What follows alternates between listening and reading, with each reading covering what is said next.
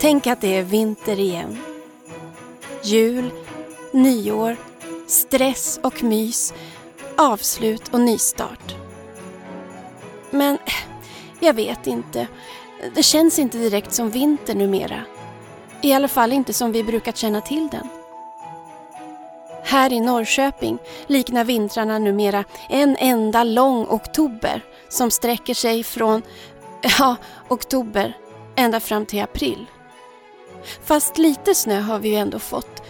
Men vintrarna är sannerligen inte så som jag brukade känna till dem när jag var liten. Innan jag berättar vad jag kommer att bjuda på i det här avsnittet, som ju är epilogens vinterspecial, så tänkte jag för första gången i poddens historia bli lite personlig.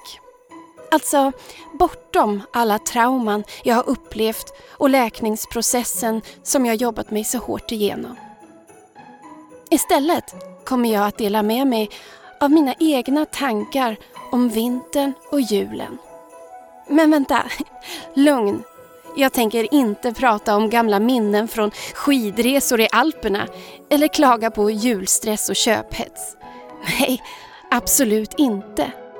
Ni som lyssnat på epilogen ett tag vet att jag är djupare än så. Och ofta så finns det små tankeställare invävda i det som jag delar med mig av.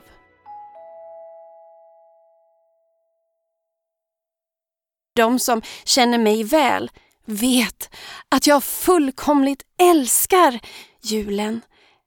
Men jag är faktiskt lite trött på att behöva fira den ensam. Jag har faktiskt varit ensam över både jul och nyår i flera år nu. Eller i alla fall fysiskt ensam. Jag har ju såklart min Jay. Men det är ju det där havet mellan oss. Det stora, djupa Atlanten som både separerar oss men som också skapar det andrum jag behöver efter att ha samlat på mig så mycket hjärtesorg i mitt förflutna. Ja, som ni hör, det är högst sagt komplicerat. Hur som helst, jag älskar som sagt både julen och vintern. Jag har ett stort behov av att få uppleva den där friska, krispiga luften. Och ni vet den där luften som sätter sig i näsborrarna och bara fyller den med liv. Och jag har ett behov av att känna kylan och höra den knarrande snön och se den gnistrande frosten. Ja, det här behovet sitter säkert i mina finska rötter. Jag upplever verkligen ett magiskt inre lugn när hela världen plötsligt är vit och stilla och då snöflingorna långsamt singlar ner som ett tyst konfetti. Det är mitt sätt att njuta av naturen. Jag är verkligen ingen sommarmänniska som plaskar runt i havet och ligger och steker sig ut i solen. Så utan den vita vintern så känner jag mig inte lika levande och i harmoni med naturen.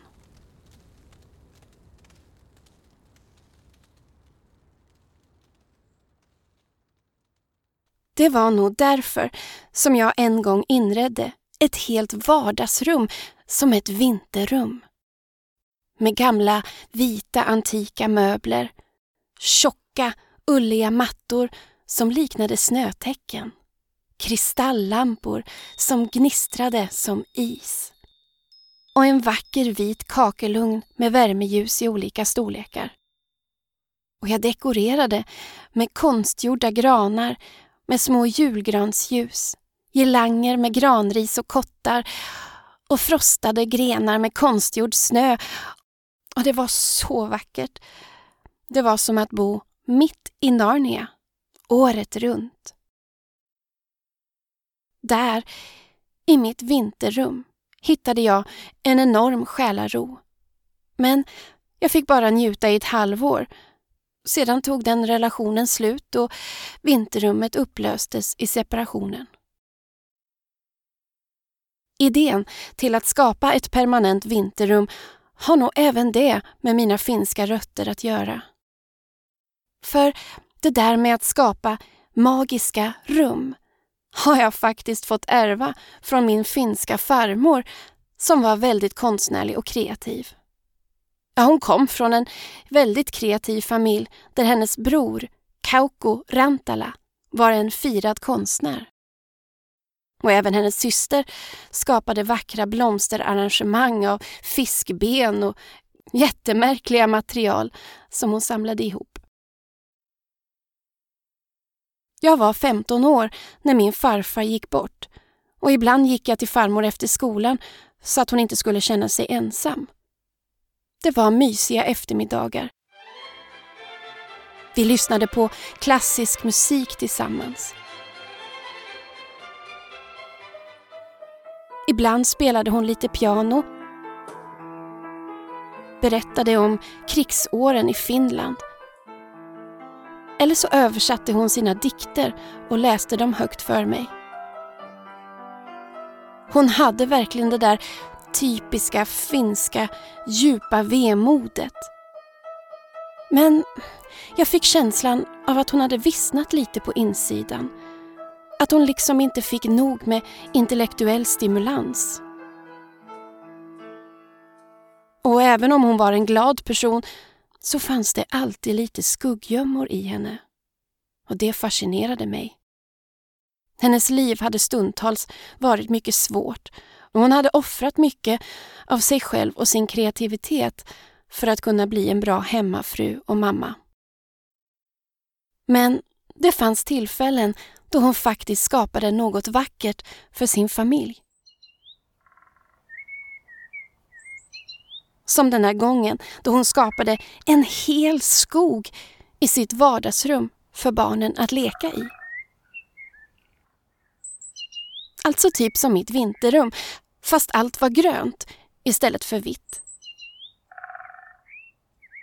Farmor gick ut i skogen, samlade ihop mossa, några späda små träd, gräs, grenar, pinnar, stubbar, löv, kottar och stenar. Och så arrangerade hon alltihop på en enorm matta i hörnet av vardagsrummet för att få det att se ut som en riktig skog. Och det gjorde det verkligen. Till och med den lokala tidningen kom för att fotografera familjen mitt i den lilla inomhusskogen där hon hade skapat en liten eldstad av pinnar och flammor av silkespapper i varma toner. Ja, och när barnen hade lekt där och till slut tröttnat och när allt hade börjat förfalla och torka så återvände farmor till skogen där hon försiktigt rullade tillbaka mossan där hon hade tagit den. Det tycker jag är fint.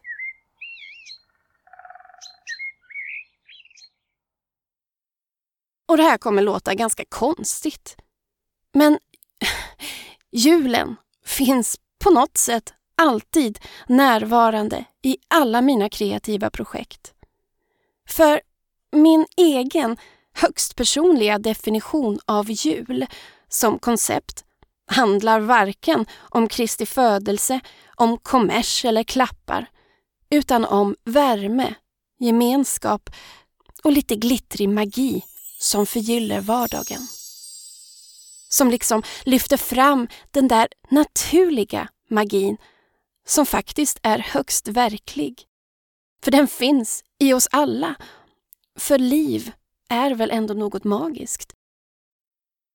Och magi kan även uppstå i fina möten med andra människor och i stunder av att vara i djup kontakt med sig själv och sin inre kärna av glöd och gnista. Ja, och om man är i kontakt med sin glödande inre kärna så kan det även uppstå magi när man använder kreativiteten för att göra gott, både inför sig själv och andra. Ja, Och så plus att jag i hela mitt liv har varit smått besatt av film och tv-serier. Så det där typiska amerikanska, hollywoodska julskimret sitter liksom marinerat längst in i mitt medvetande. Och jag bryr mig faktiskt inte om det anses vara cheesy eller smaklöst.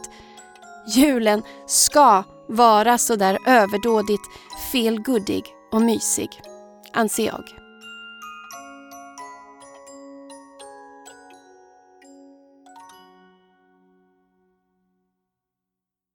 Så det är med denna kärlek för julmys som jag har satt ihop årets vinterspecial. Jag vill bjuda er alla på något fint, hoppfullt och positivt. Och tänk, det här är epilogens tredje vinterspecial. Men herre gisses vad tiden går snabbt. Minns ni det första vinterspecialet, Ensamma tillsammans? Där jag satt isolerad och firade in det första pandemiårets sorgliga jul och samtalade med de fiktiva karaktärerna ångesten, självtvivlet och klokheten för att mildra min ensamhet tillsammans med er som lyssnar. För att avsluta detta julavsnitt så tänkte jag fråga mina gäster om ni har något mer att tillägga här när vi vrider och vänder på traditionella julkoncept. Eh, ja, jag har faktiskt tänkt på en grej här medan du har pratat på. Det, och det låter lite långsökt, men jag kom på hur skumtomtar tillhör julen på något sätt. Och vill man göra något kreativt och tänkvärt kring skumtomtar kan man väl säga att skumtomtar är goda men skumma tomtar är dåliga och, och de bör man hålla sig borta från. Man kan säga att känns det skumt i magen så är det ofta något skumt där. Och bästa rådet jag kan ge, lyssna hellre på din magkänsla än på mig. jag har också någonting avslutningsvis att säga. Jag säger bara, ät gärna knäck, men vägra bli knäckt. Och ångesten då? Vad tänker han? Nej men... Han har somnat! Nej men så lustigt, nu har han somnat.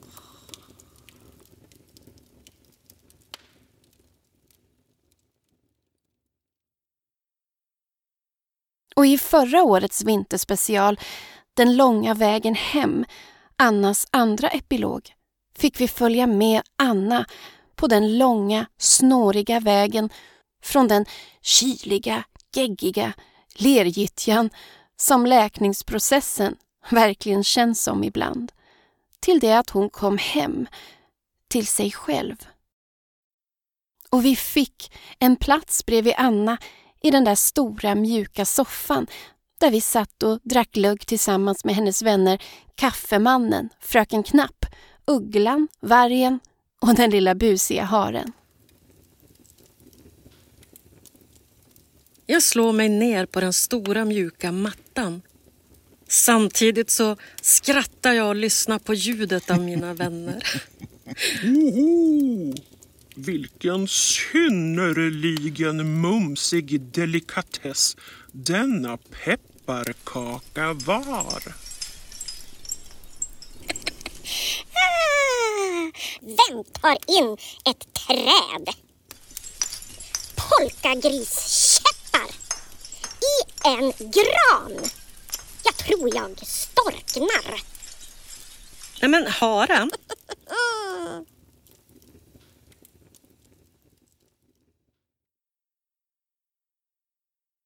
Nu ska jag äntligen berätta om vad jag har valt att bjuda på i detta vinterspecial. Jag tänker så här. Eftersom det här är den sista säsongen av Epilogen Podcast, hur länge den nu än må sträcka sig, kanske ända till sommaren, så tänkte jag att det kunde vara fint att få återkoppla till de kvinnor som bidragit med sina epiloger i podden. På många sätt är det här inte bara min podd utan har varit en öppen och kreativ plattform för de som vill dela med sig av sin kunskap, sina erfarenheter och insikter om psykiskt våld och dess trauma och läkning. Tillsammans har vi verkligen skapat en enda stor kropp av röster och kunskap som andra kan söka tröst och stöd i. Ja, det är verkligen så himla fint. Men nu kommer jag inte ta emot några nya bidrag eftersom jag redan har fyllt alla resterande avsnitt med inplanerade ämnen och redan inskickade epiloger. I alla fall, jag skickade ut ett mejl till de kvinnor som bidragit med sina epiloger i podden. Helt fritt på krav och förväntningar. Jag vet ju att läkningsprocessen kan gå både nedåt, bakåt eller åt sidan ibland. Men ganska snart så började det ramla in ljudfiler från flera av kvinnorna. Och det är de som vi nu ska lyssna på. Så vad har hänt sedan sist? Var är de nu? Vad fick de ut av att medverka i Epilogen Podcast? Vad gav det dem att få berätta öppet och ärligt om vad de upplevt och överlevt? Och hur kändes det egentligen att lyssna på avsnittet efter att jag hade bearbetat det inskickade materialet med mitt konstnärligt kreativa trollspö? Skulle de ändrat något eller lagt till något om de hade fått göra om det idag? Och har de kanske några nya tips att dela med sig av? Ja, vi får väl se. Alla inskickade hälsningar varierar både i längd, ljudkvalitet och innehåll men alltihop är en liten inblick i den kreativa och högst personliga läkningsprocessen som är så labyrintliknande efter man har lämnat en relation där det förekommit narcissistisk misshandel, psykiskt våld och subtil manipulation. Jag har som vanligt klippt, stuvat om lite och fixat och trixat lite med min konstnärliga blick, eller snarare öra. För hur alla dessa hälsningar kan bli som ett slags collage av epilogiska insikter, känslor och tankar. Så detta avsnitt är ett stort, eller snarare långt och mysigt collageliknande lapptäcke som jag har satt ihop för att värma er som lyssnar. Ja, även om denna vinter kanske inte är särskilt kall eller bister. Jag är ju trots allt en collagekonstnär. Så att sätta ihop lösa fragment till en underhållande och spännande helhet är liksom min spetskompetens, eller snarare mission in life. En helhet som berättar något om människan och hennes inre värld och hur denna inre värld både absorberar den yttre världen och adderar till den. Därför hör allt liksom ihop och därför kan vi även lära oss av varandras erfarenheter och unika sätt att se på saker och ting. Ja, men nu tycker jag att vi tar och lyssnar på hälsningarna, eller hur? Vår första hälsning kommer från Mirre, från avsnittet Dr Jekyll och Mr Hyde där entreprenören Mirre Sennehed från podden Destruktiva relationer beskrev hur hennes partner ständigt växlade mellan att vara varm och kärleksfull till att bli abusiv, kylig och avvisande. Jag frågade Mirre var i läkningsprocessen, så här ett och ett halvt år senare, hon befinner sig nu.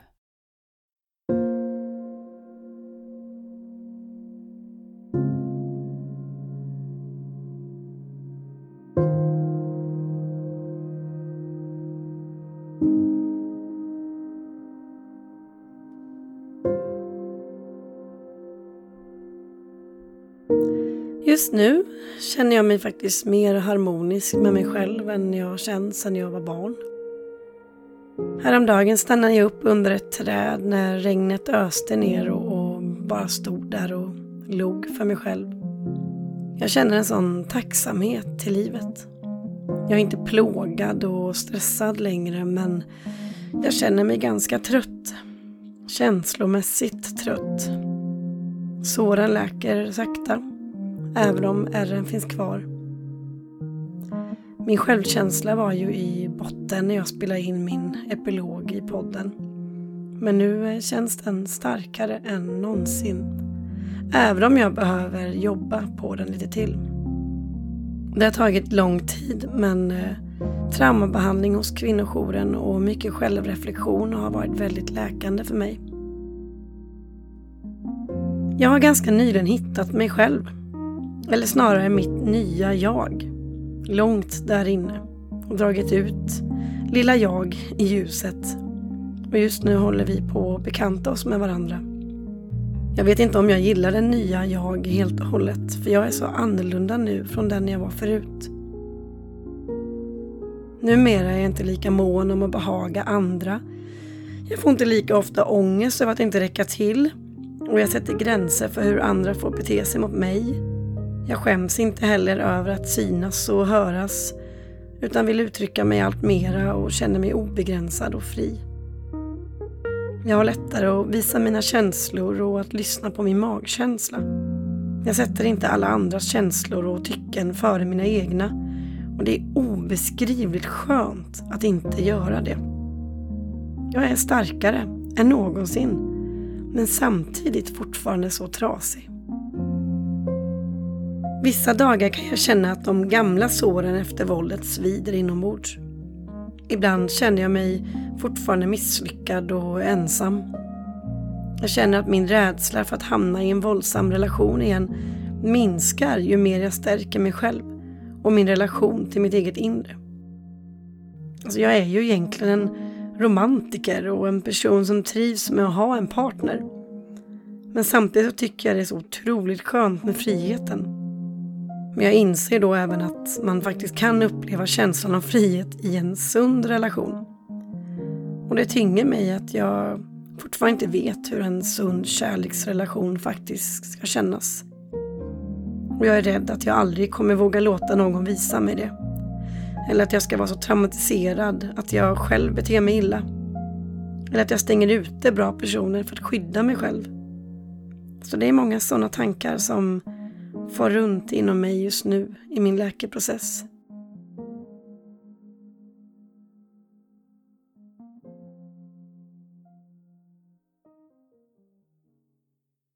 Men jag är väldigt stolt över mig själv. Jag har tagit mig ur ett rent helvete med svår trauma, isolering och ensamhet samtidigt som jag gick igenom en ekonomisk kris under pandemin.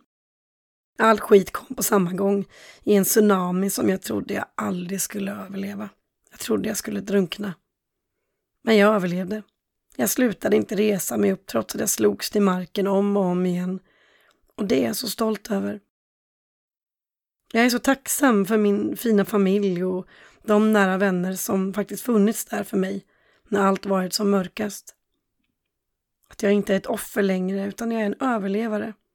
Och att jag fortfarande ändå tror på kärlek och godhet hos människor. Men jag jobbar fortfarande på att sluta känna hat mot min förövare. För motsatsen till kärlek är ju inte hat, utan det är likgiltighet. Mitt mål är att känna likgiltighet när jag möter min förövare och jag närmar mig den känslan, sakta men säkert.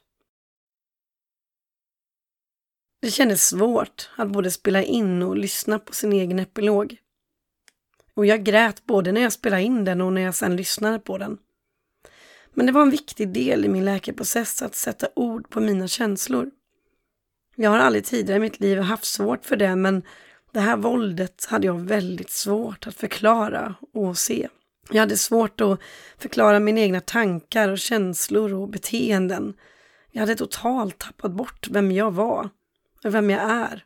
Och när jag spelade in epilogen så hade jag börjat lägga det där våldspusslet inom mig själv och se verkligheten och börjat hitta tillbaka till mig själv. Eller det nya jag. Jag var så förblindad av all gaslighting och alla lögner så jag var mitt i en svår process för att finna svar på frågor som jag i många fall aldrig kommer få svar på. Men det kändes viktigt att få vara med i podden och det kändes så fint att få kunna hjälpa andra och Att på något sätt göra något meningsfullt med något fruktansvärt meningslöst. Det är svårt att ge tips för det är så individuellt hur man hanterar svårt trauma. Men om jag kan utgå från mig själv så har traumaterapin på kriscentrum för våldsutsatta kvinnor varit enormt viktig för mig. Först pratade jag med en psykolog under en tid och sen fick jag börja i en gruppterapi. Gruppterapi som jag var så skeptisk inför har haft stor inverkan på min läkeprocess. Att spegla sina känslor med andra hjälper en att få förståelse för det man utsatts för och att kunna sätta ord på det. Det är så viktigt. Så jag rekommenderar alla att söka professionell hjälp för det går att få det. Man klarar inte att ta sig ur de här grejerna själv. Och sen har jag gjort saker för mig själv för att stärka mitt eget psyke. Till exempel tränat mycket för att fysisk rörelse hjälper hjärnan att läka och det är extremt ångestdämpande. Precis som att man måste också försöka få sömn, för sömnen är jätteviktig för att hjärnan ska orka bearbeta allt trauma och allt hemskt. Jag har även lyssnat på alla poddar som finns om narcissistiskt våld och våld i nära relation, svalt bok efter bok och tjatat hål på nära vänner. Ältat, ältat tills jag inte behövt älta mer. Oftast känner man sig dum som ältar men det är en viktig process att göra det om och om igen. Skäms inte för det utan vi alla behöver prata, skriva och processa allt olika länge. Och allt detta har hjälpt mig att må bättre. Det viktigaste har varit att jag bestämde mig tidigt att min förövare skulle inte få förstöra mitt liv. Han hade redan förstört så mycket och jag vägrade acceptera att jag skulle må så här dåligt. Jag påminner mig ofta om det, även om jag många gånger inte trodde på det. Så har jag kämpat med stark liksom, målmedvetenhet för att komma ut på andra sidan. I början kunde jag bara tänka en dag i taget. Och det räckte. Och när tiden gick kunde jag tänka längre och mer långsiktigt och även se min process och hur jag faktiskt började läka. Två steg framåt och ett steg bakåt men att jag aldrig slutade envisas med att ta mig ur den där mörka, hemska bubblan av ångest och sorg. Det är viktigt att få känna det du känner men låt dig inte fastna i känslor som äter upp dig inombords. Men framförallt är ett tips, prata inte med dem som inte förstår. Prata med dem som vet vad du gått igenom. För oförståelse och, och shaming på olika sätt och allt sånt där, det får en bara att må sämre. Vissa vänner kommer inte förstå, även om de älskar dig och vill ditt bästa så är det här våldet så pass komplext att man sällan förstår det om man inte själv var utsatt för det. Så prata inte med dem som inte förstår. Och har du ingen vän eller familjemedlem så sök kontakt via forum på Facebook och så vidare där man kan få chatta med andra som varit med om samma som du. Och det är läkande. Jag chattade väldigt mycket även under tiden jag gick hos kvinnojour. Och vissa dagar kommer det kännas som att man aldrig någonsin kommer må bra igen. Vissa dagar tror man att ens förövare hade rätt, att man är en idiot, svag, ful, dum, komplicerad eller att ingen någonsin kommer älska en igen. Eller att man får skylla sig själv. Och att man kanske förtjänar det där våldet och att bli behandlad som skit. Och det är intressant. Men vissa dagar tror man det. Men ju mer man pratar om dessa känslor så blir man allt starkare och kan slå bort dessa hemska osanningar. Så bär inte allt det här själv, utan sök professionell hjälp och bolla dina tankar med dem som förstår dig. Och även om det känns tufft just nu så kommer det bli bättre. Om du bara vägrar ge upp och fortsätter att kämpa. Jag brukade även försöka boosta mig själv och skrev ner en text som jag läste högt varje dag för mig själv medan jag tittade mig i spegeln. Jag förtjänar att må bra och bli respekterad och älskad för den jag är. Jag duger precis som den jag är och jag utvecklas varje dag och lär mig nytt. Jag tar ett steg framåt och kan bara göra mitt bästa. Det kan låta löjligt, men den texten blir en motpol till den elaka rösten som hänger kvar inombords som ett eko efter den förövaren man har lämnat. För mig gjorde det skillnad att läsa den texten om och om igen. Och för varje vecka, för varje dag, för varje månad som gick blev den texten allt mer verklig för mig. Och jag hittade sakta men säkert tillbaka till mig själv.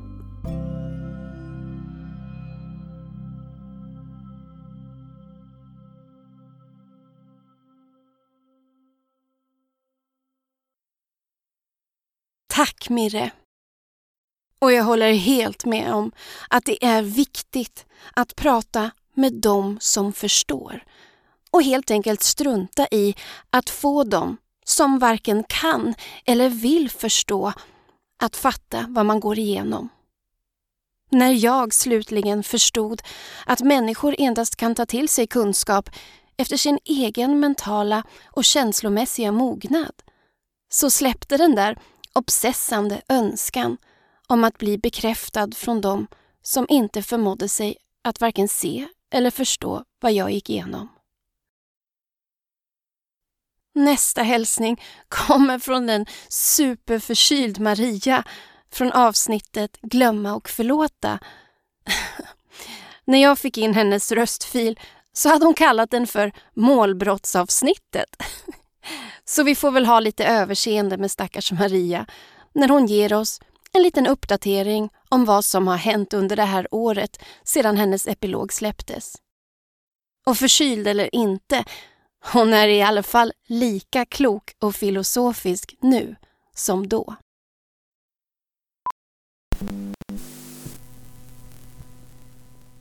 Vilken förmån att få vara med i det här specialavsnittet. Det är fint att titta tillbaka på när jag skrev epilogen och hur det utvecklats sedan dess. Det som hänt sedan jag skrev min epilog är för mig både mycket och ändå ingenting. Kanske inte helt solklart, men eftersom det här pågår hela tiden runt mig så är det jag kan göra att förhålla mig till det. Hålla det avstånd jag behöver. Det är ett hårt jobb. Ändå är det så mycket lättare än att vara i det. Så det är lätt värt allt det jobbet. Allt jobb jag gjort och det ständigt pågående med att hålla på gränserna.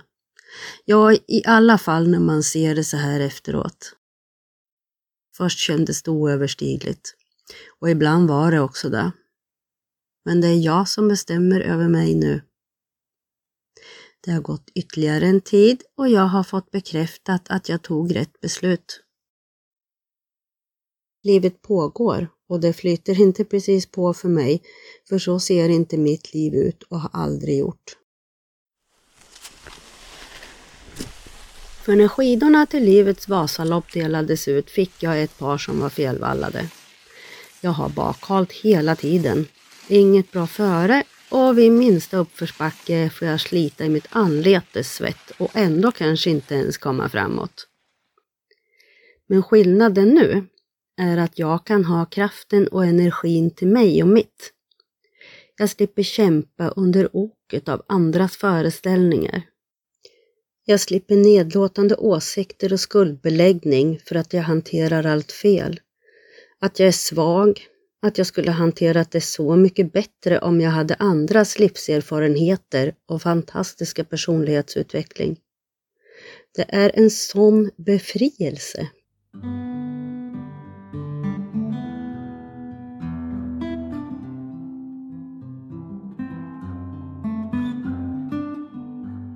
Jag kan lägga kraften och fokuset där jag anser det behövs. Jag får ro att hantera situationer. Livet serverar ju saker som är jobbiga nog. Som jag inte hade klarat av nu om jag inte hade satt ner foten och tagit avstånd. Jag har tagit för mycket skada och behöver skydda mig själv och jag känner att jag gör det nu. Jag slipper situationer som till exempel Åh nej, nu måste jag ringa och berätta det här och det här också. Och då kommer jag få höra det till dödagar. Jag orkar inte. Nej, jag behöver inte ringa och berätta. Jag gör inte det. Jag har avslutat rapporteringsskyldigheten och därmed slipper jag så mycket som skadar mig. Klart att det är ansträngande. Tankemönstren och reaktionerna försvinner inte med att man tar ett beslut. Men det beslutet är början och när jag skrev epilogen hade jag kommit en bit. Nu har jag kommit längre. Under tiden som gått har det uppkommit situationer jag hanterat helt utan mina gamla tankemönster. Och sen har jag tänkt hur mycket lättare det är. Och det händer oftare och oftare fortfarande är ett stort mentalt jobb, men det går så mycket lättare från år till år och det blir mer automatiserat. Så situationen kring mig har inte ändrats. Det kommer den inte heller göra. Däremot har jag stärkts i att fortsätta gå min väg. Mina beslut var rätt. Mycket har hänt som bekräftat det och jag är så noga med att ta fasta på det. Lägga märke till livet. Vara tacksam för allt det fina och njuta av att jag kan gå just min väg.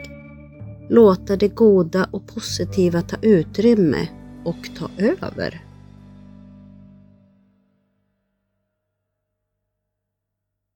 Att skriva avsnittet var viktigt för mig.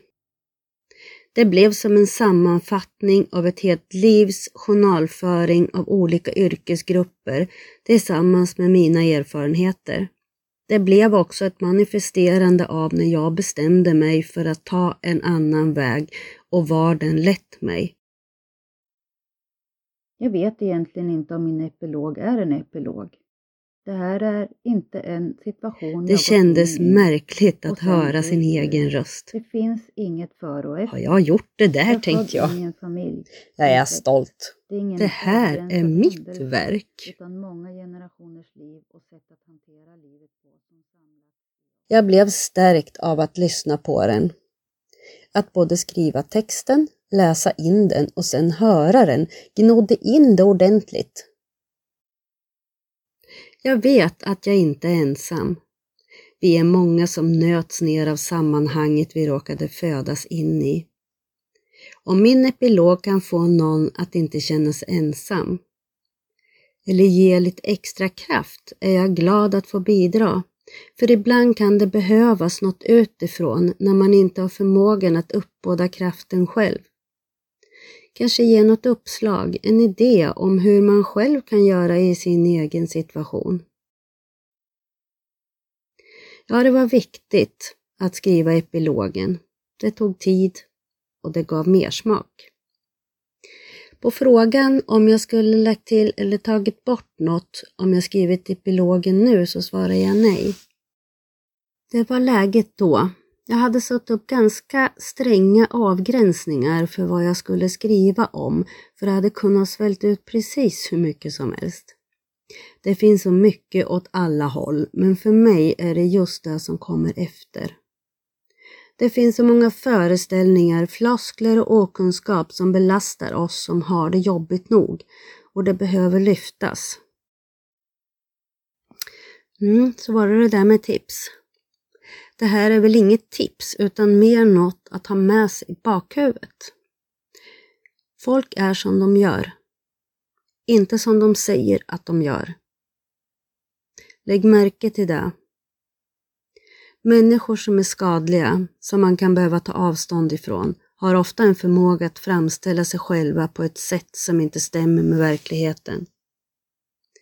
Det är inte ett misstag, ett oj då, det var inte meningen, ett hoppsan varje gång. Och det är sannerligen inte du som missförstått varendaste situation.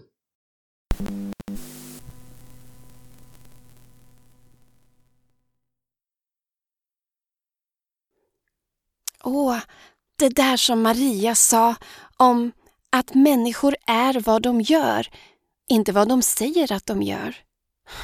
Det var så jäkla bra tycker jag. Det ska jag ha med mig. Det är stärkande att ha en liten text eller ett motto som man håller i minnet när man försöker bryta sig loss ur gamla beteendemönster. Ett varmt tack till dig Maria. Nu ska vi lyssna till Martina Skowronska igen. I sin epilog berättade hon om sina upplevelser av Adam som ständigt försvann, kom tillbaka, försvann och kom tillbaka. Och om denna relation skrev hon ju om i boken Genomskåda narcissisten som hon har blivit mycket uppmärksammad för och har därför kunnat hjälpa till att sprida kunskapen vidare om dessa komplexa och destruktiva relationer som narcissistisk misshandel innebär. Så var är Martina idag?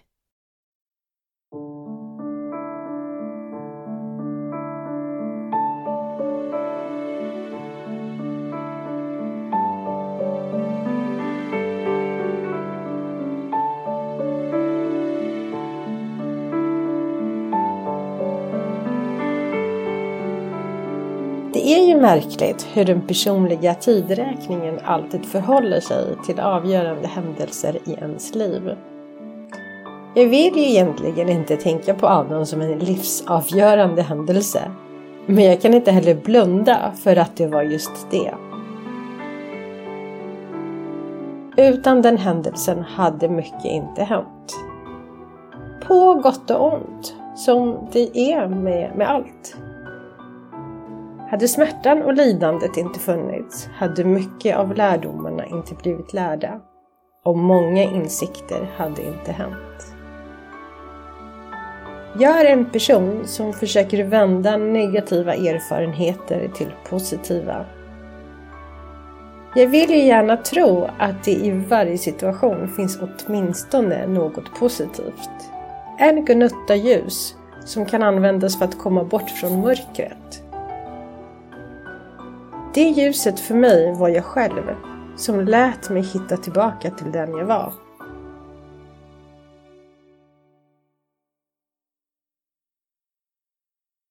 I och med att Adam försökte släcka allt det som var jag i syftet att jag skulle bli hans nickedocka var det viktigt för mig att återta kraften jag hade i mig själv.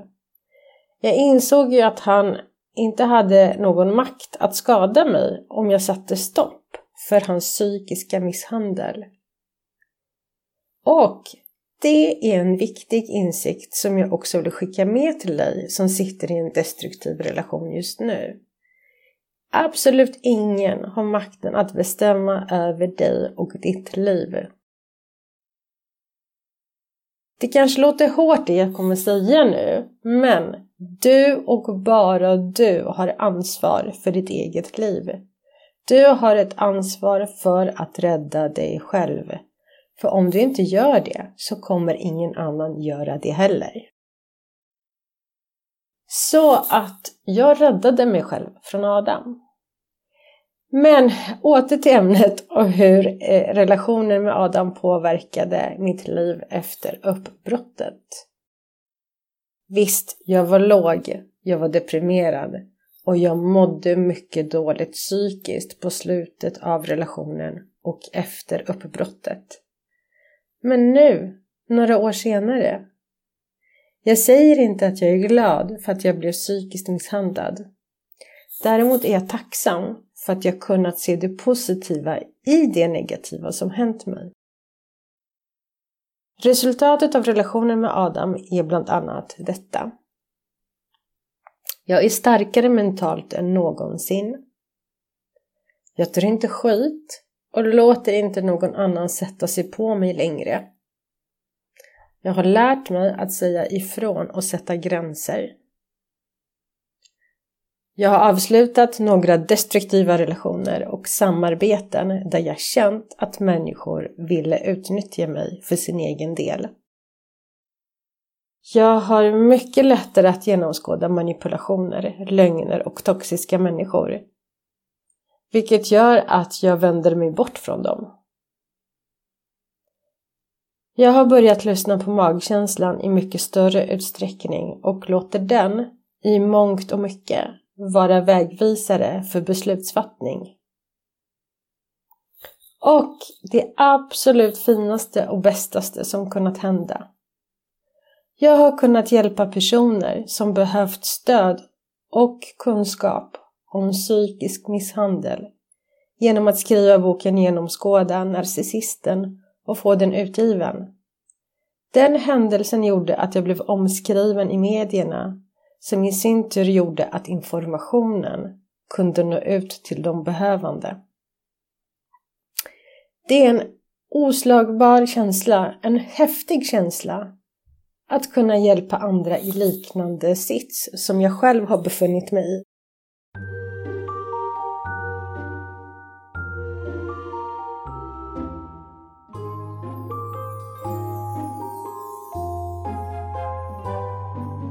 Jag vill passa på att rikta ett stort tack till dig som har läst eller lyssnat på min bok.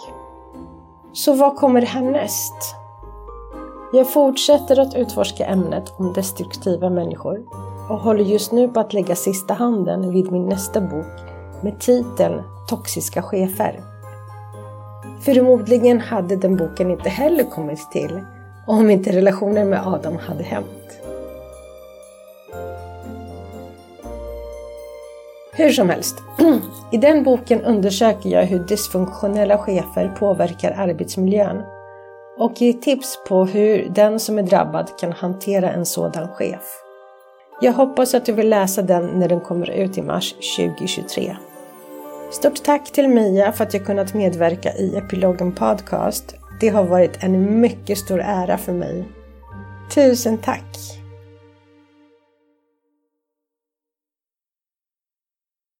Tack detsamma Martina.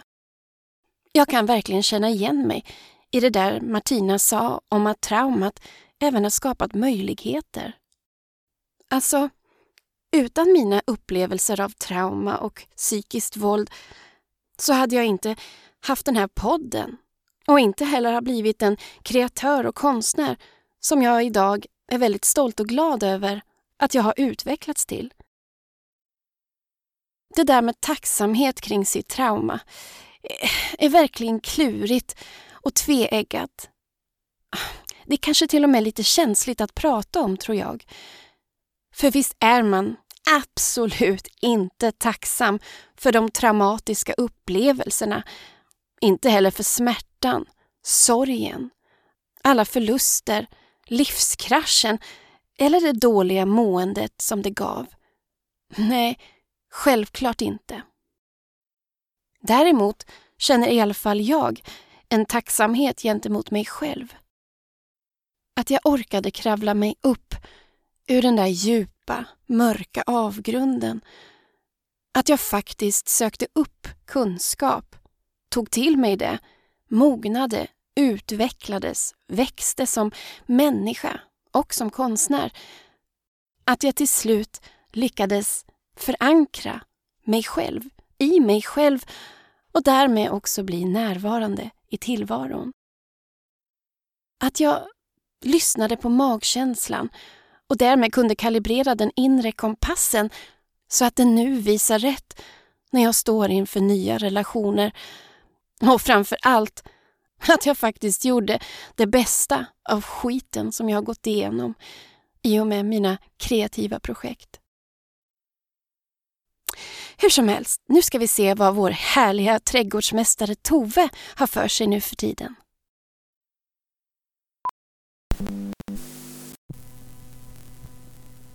Jaha, nu står jag här och det är fredag kväll. Jag håller på och gör ehm, snitt i mina kastanjer som jag ska ha till mitt fredagsmys.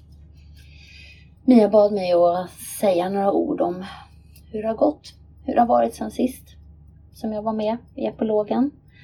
Eh, ja, det är Tove förresten, från epilogen om mördarsnigeln. Och det har gått ett och ett halvt år lite drygt eh, sedan mitt övergrepp. Och eh, hur mår jag? Jag mår bra faktiskt. Eh, tycker att jag har eh, styrfart på livet. Och styrfart på kroppen och knoppen. Ehm, jag vet inte om ni kommer ihåg men för mig så har det varit mycket fokus på min, mitt kroppsliga trauma. Ehm, det som sitter fast i min kropp. Så jag tycker att jag förstår rätt mycket i huvudet men det har varit svårare att få ner det i, i känslorna och i kroppen. Jag har haft mycket värk och fysiska åkommor som eh, faktiskt sakta men säkert börjar ebba ut. Ehm, ju mer jag förankrar mina kunskaper i min kropp, eller hur man ska säga. Det har varit liksom en, ja, men som en röd tråd sen, sen jag gjorde epilogen. Annars så är jag kvar på min eh, på mitt jobb. Jobbar som trädgårdsmästare fortfarande och njuter varje dag av att ha det jobbet. Och just nu så gör vi något så himla fint som jag tänker att jag anammar liksom på mig själv också, det är att vi höstar in. Eh, vi samlar in löv för att lägga på växter som är ömtåliga mot kyla och väder och vind. Så att de ska klara sig till nästa år. Och sånt som är dött och förbrukat, det tar vi bort och slänger. Eh, och jag blev så himla full i skratt när jag höll på med det här på jobbet för det kändes att det är precis det jag gör med mig själv. Jag håller på och höstar in mig eh, och eh, håller på att slänga bort det som, inte, som jag inte behöver längre helt enkelt. Och det är så skönt faktiskt. Det, är lite, det har varit lite läskigt i början eh, men jag tycker att det går liksom bättre och bättre. Så eh, ja, allt slit och all kunskapssökning som jag har hållit på med har varit väl värt det. Måste jag säga. Och jag börjar tycka att Ja, att jag kanske börjar bli en helt ny tjej faktiskt. En ny gammal. För på något vis så har jag liksom rätt mycket kontakt med hon den där lilla tjejen. Lill-Tove. Vi leker mycket och um, har det bra. Och jag börjar närma mig någon slags känsla av kärlek, både till mig själv och till andra. Och det är spännande och förmodligen kommer det att bli en utmaning. Men det är sen. Just här och nu så står jag här med mina kastanjer som jag snart ska stoppa i ugnen. Och så ska jag äta dem och kolla på en film, tror jag. Eh, men livet är gott. Så ja, tack för mig. Det var det jag ville säga. Hoppas ni har det bra. Hejdå!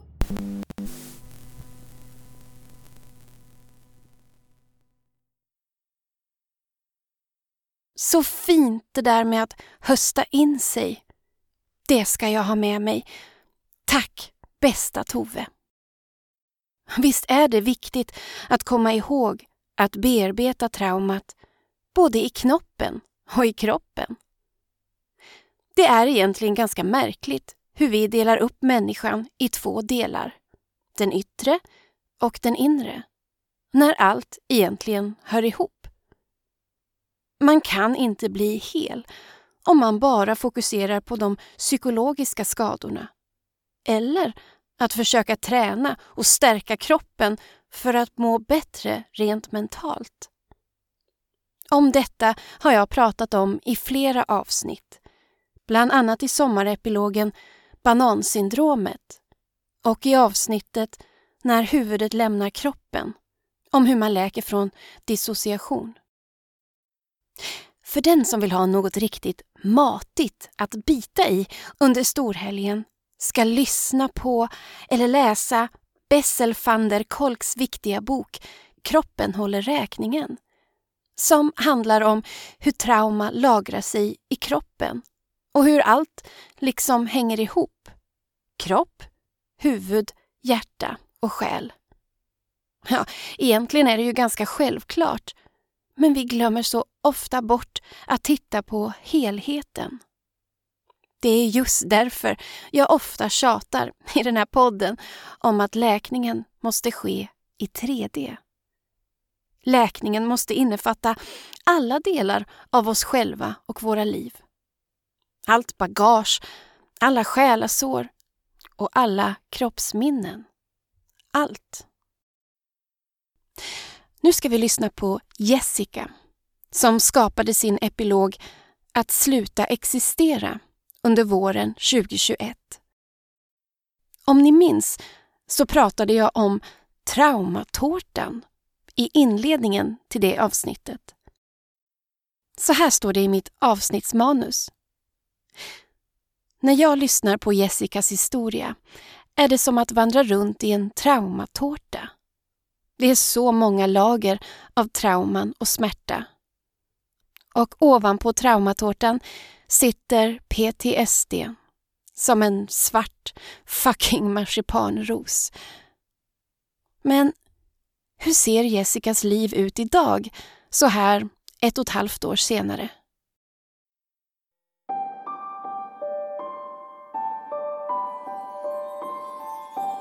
Genom livet formas vi av våra erfarenheter. Vår personlighet och beteende, vad vi prioriterar och värderar. Bitar av oss försvinner eller läggs till. Och detta sker livet igenom. Vi drabbas och upplever saker. Vi förändras, utvecklas, utmanas. Vi slåss och ifrågasätter. Vi hittar på förklaringar för att få grepp om det vi varit med om. Vi reflekterar och tänker om, ställer oss frågan varför och tänk om. Vi sörjer, bearbetar, vi använder oss av säkerhetsbeteenden för att överleva och metoder som vi tror hjälper oss. Det är trassligt. Men hela den här processen är viktig för både hjärnans bearbetning och för ditt sorgearbete. De frågorna vi ställer oss måste inte bli besvarade, men de måste få ställas. De frågorna behöver få en röst. Men det är inte bara erfarenheter som påverkar vem vi är. Genom livet möter vi vissa nyckelpersoner. Nyckelpersoner som på olika sätt påverkar oss. Och ja, även kan få oss att byta riktning på hela vårt liv.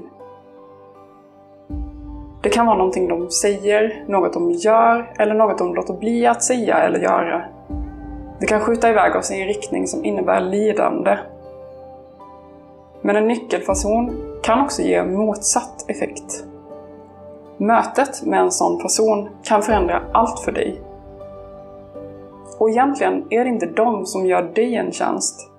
Det är snarare att du, genom detta möte, kommer i kontakt med dig själv. Att du får chansen att göra dig själv en tjänst genom att lyssna på budskapet. Hör du meddelandet och vågar byta spår? Vågar du ta en ny väg via ett nytt inflytande? Det kan förändra hela ditt liv. Jag har haft en handfull avgörande nyckelpersoner i mitt liv, på både gott och ont.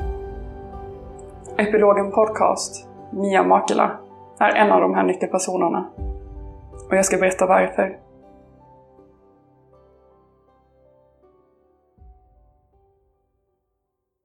Jag är själv konstnär och har sysslat med surrealistisk konst sedan 2010. Jag har haft konstutställningar men har aldrig riktigt brytt mig om det där med att visa upp min konst. Däremot uppskattar jag att söka upp konst i olika former. Särskilt den lite mer udda konsten. Den som är lite naken och rå. Det surrealistiska. Beksinski, den polska konstnären som är känd för sina drömlika skildringar av död och apokalyps, är en av mina favoriter. Men hur som helst. I början av 2021, när det fortfarande var bitande kallt utomhus och jag satt på bussen på vägen hem från ett möte. Jag scrollade på Instagram, så som man gör, och kom över ett färgstarkt och väldigt udda konstverk. Jag registrerade inte riktigt vad det var jag tittade på. Inte mer än att det var surrealism och tilltalande. Jag insåg att jag hade tryckt på följknappen långt tidigare. Men att kontot liksom försvunnit i mängden. För första gången lämnade jag en kommentar på ett av de här konstverken. Jag minns inte vad jag sa, men det var säkert något bra. För kort efter det fick jag svar från konstnären Mia Makela och lite senare trillade det in ett erbjudande om att delta i Epilogen Podcast. Egentligen kände jag mig färdig med allt det här, att prata om trauman. Jag hade känt mig färdig med det ända sedan 2017 då jag på tioårsdagen befann mig i Berlin med mitt livs kärlek.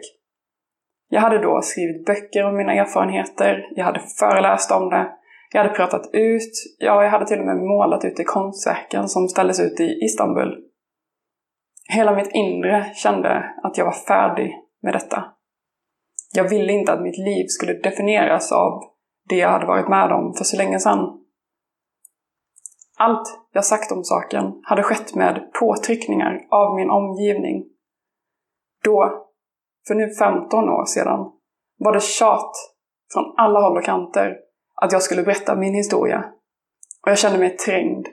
Jag kände mig tvingad att prata om det jag varit med om. Jag kände mig tvingad att skriva om det.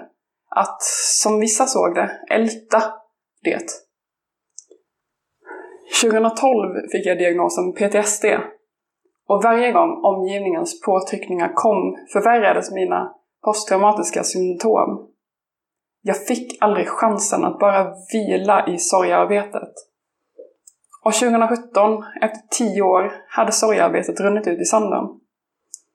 Så ja, 2021 när jag fick det här erbjudandet om att delta i Epilogen podcast var jag tveksam. Jag kan erkänna det. Men det fanns något med Mia Makila.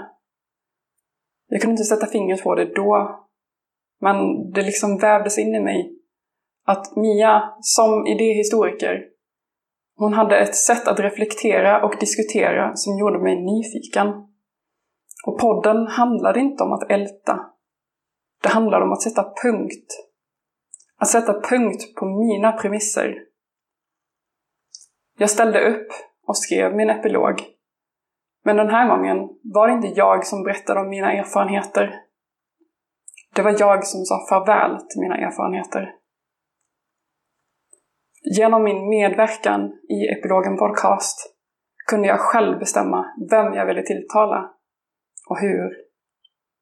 Och av flera olika anledningar blev det att jag skrev epilogen, inte till lyssnare, inte till Mia, inte till omgivningen, utan till mitt inre barn. Det barn som glöms bort i omgivningens påtryckningar. Det barn som skräms till tystnad. Det barn vars sorg fortfarande fanns kvar. Jag hade gått vidare, men hon stod kvar. Till och med jag hade glömt bort henne. Medan jag skrev min epilog förstod jag att hon fortfarande behövde min hjälp.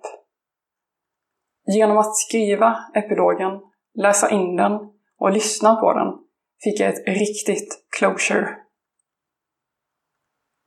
Efteråt var jag tom. Inte innehållslös som om det saknades något. Men jag var, jag var tom som en ny canvas. En tom tavelduk, redo att påbörja ett nytt konstverk. Jag har inget behov av att prata om det förflutna. Jag har sagt allt som behöver bli sagt.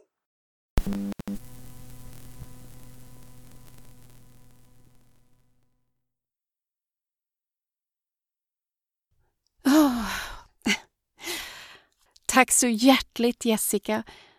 Jag blir både rörd och så himla himla glad.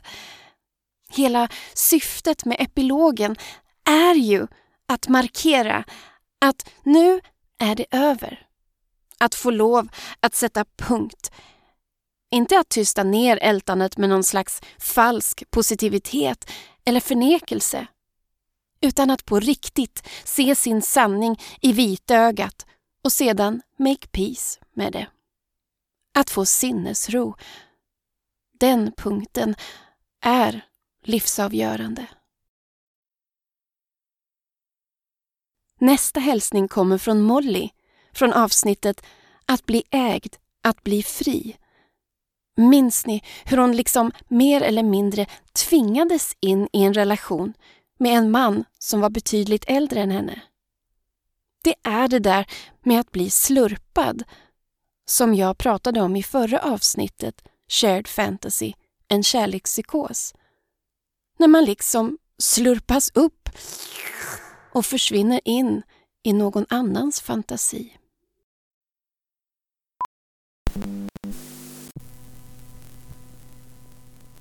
Här kommer min uppdatering Eh, hur det är med mig nu. Ett tag efter att jag spelade in mitt avsnitt till Epilogen podcast. Um, och jag, jag ehm, um, hade jättesvårt att komma ihåg och spela in det här. Och jag tror det beror på att jag har kommit väldigt långt i, um, om man ska säga, läkningsprocessen. Liksom. Um, ja, jag tänker inte på honom särskilt mycket nu längre. Eller jag har inte samma ångest kring det som jag hade eh, förut och kanske runt tiden när jag spelade in. Um, min epilog.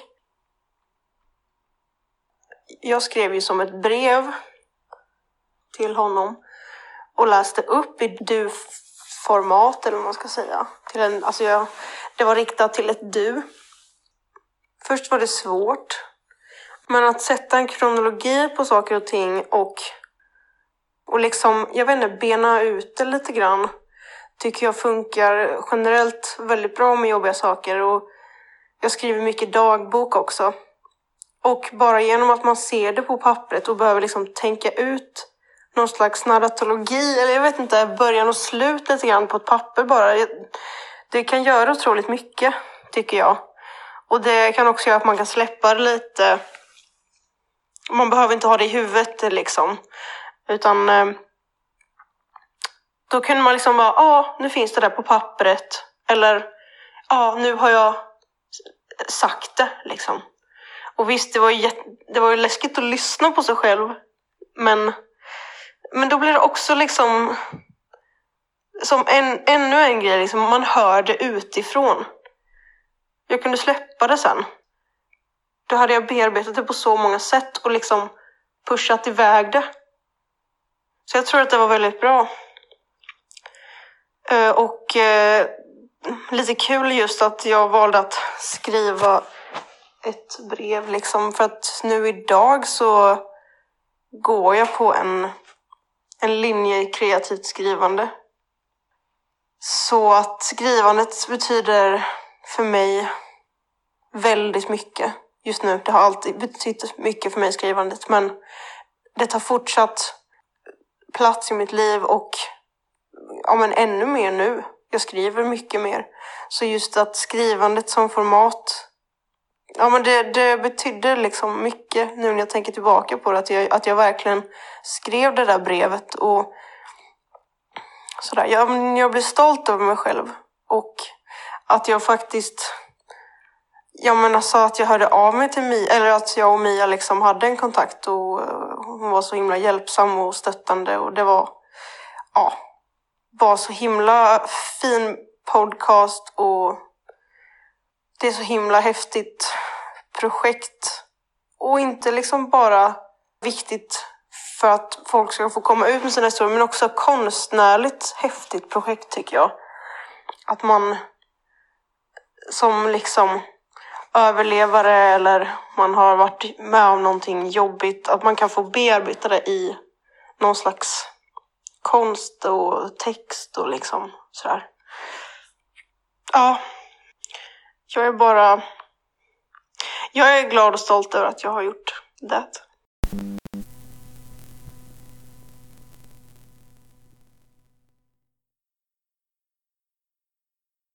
Tack Molly.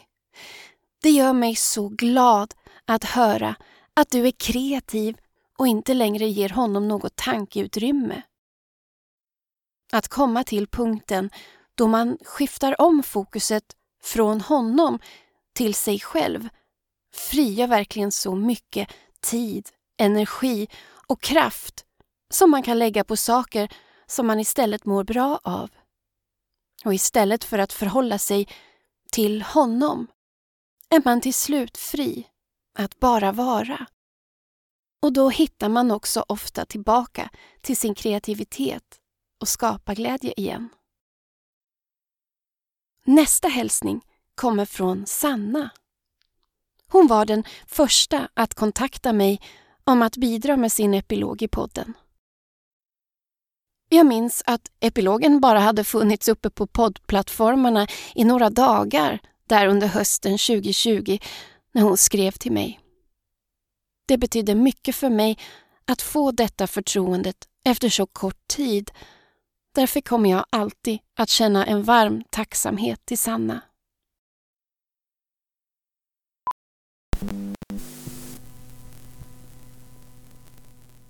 När jag spelade in min epilog så befann jag mig i en tuffare period.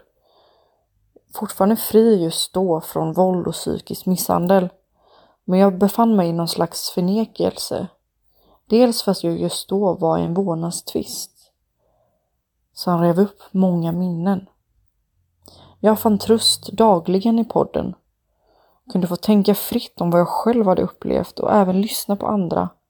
Det var till stor hjälp och väldigt läkande. Och även att andra kunde lyssna på den. Och det kändes som att även det hjälpte fler. Varför jag levde i en slags förnekelse var dels för att när man har blivit utsatt för våld så länge och sedan inte är det längre på det sättet utan att det sitter kvar i hjärnan så, så inbillar man sig att liksom mycket av allt som har hänt, det har inte hänt. Och även när man sitter i en rättegång mot förövaren, inte i det målet eller det fallet, utan mer att man har eh, fått bemöta hans nekande till vad han har gjort mot mig. Det gjorde att jag levde en förnekelse, men att få lyssna där på sig själv i en podd, det gjorde faktiskt mig väldigt stark och jag kände att jag fick mycket kraft och väldigt mycket mod. Utan det så tror jag att det hade varit väldigt mycket tuffare. Det, det skapade ett slags lugn i mig när jag kände mig uppjagad och stressad. Så kunde jag gå in och bara lyssna. Och efteråt så så blev det lugnt liksom. Att det här är jag. Det här är min berättelse. Inte någon annans.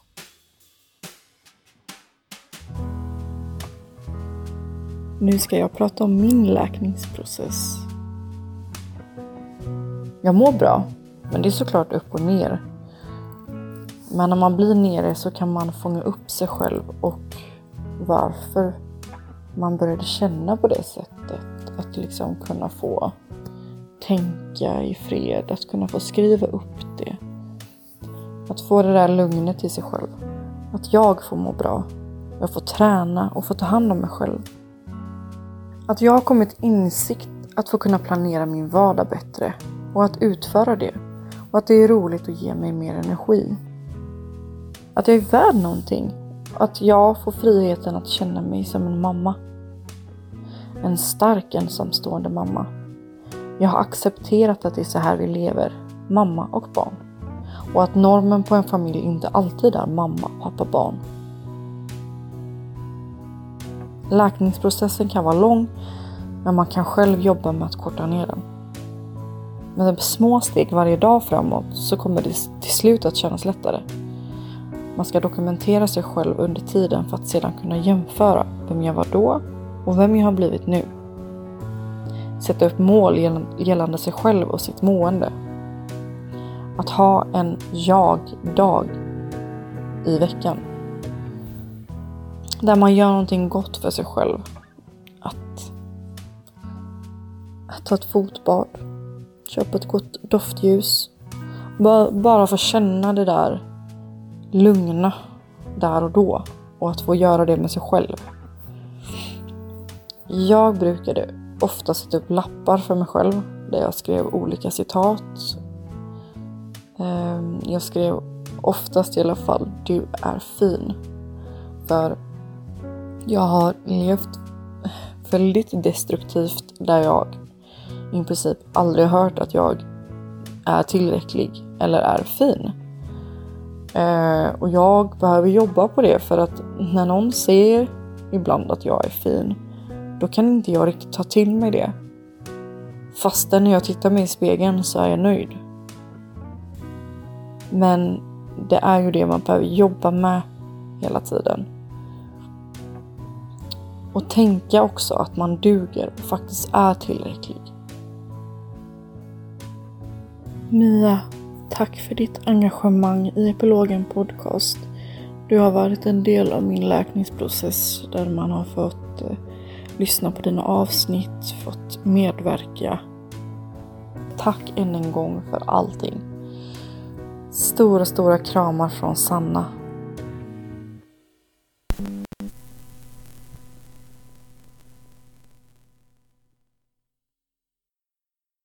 Tack Sanna. Och så himla bra det där med att ta sig en jag-dag då och då. Det gör faktiskt jag också ibland. Då plöjer jag en bra tv-serie under en filt i skenet av tända ljus. Då mår jag riktigt bra. Vad får dig att må bra? Vad skulle du göra på din jag-dag? Nu ska vi höra från Karin Heimdal, skapare av audiodramat Y2K från epilogen När jag försvann, som släpptes i mars 2021. Så här står det om avsnittet i avsnittsbeskrivningen. När Karin går in i en destruktiv relation är det som hon långsamt börjar försvinna in i den. Det konstanta och subtila flödet av psykiskt våld, förnedring och manipulation gör henne både förvirrad, svag och allt mer beroende av sin pojkvän. Till slut har hon tappat bort sig själv helt. Vi ska återkomma till det här temat med att försvinna lite senare, men först ska vi lyssna på Karins hälsning.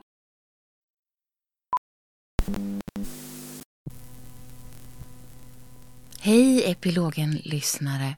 Karin Heimdal här.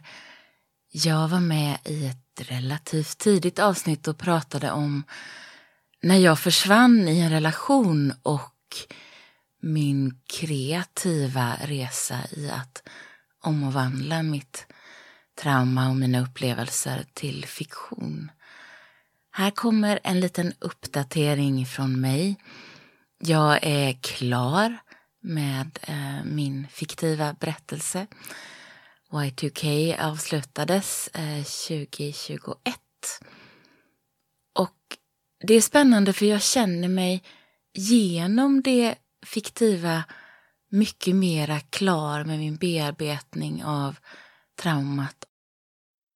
Jag har också mött genom min fiktiva berättelse så många människor eh, som har känt igen sig.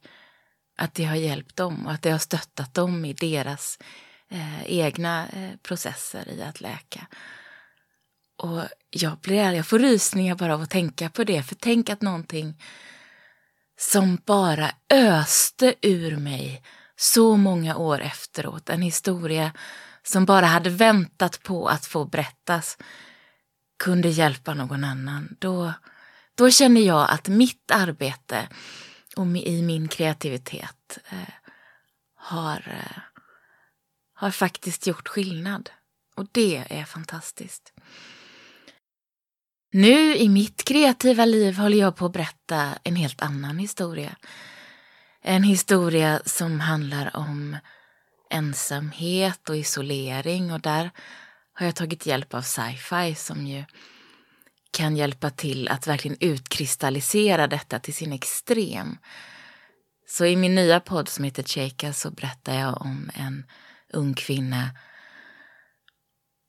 långt i framtiden som tror att hon kanske är den sista människan eh, som finns i livet. Så att jag fortsätter att berätta fiktiva historier som grundar sig i mina egna upplevelser. Och jag är väldigt glad att jag fick chansen att berätta min historia i epilogen. Jag är väldigt glad för alla er som har lyssnat och jag är väldigt glad eh, att epilogen finns.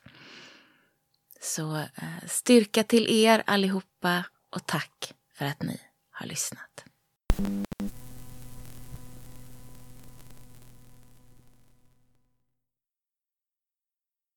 Tack Karin! Det är så fint att höra hur din kreativitet även har hjälpt andra. Det är verkligen ett fantastiskt stärkande kretslopp det här med kunskapsspridning. Även jag är glad att vara en del av det kretsloppet och att kunna få dela det tillsammans med er här i podden. Och nu till nästa hälsning Hmm. Kommer ni ihåg den här rysarscenen?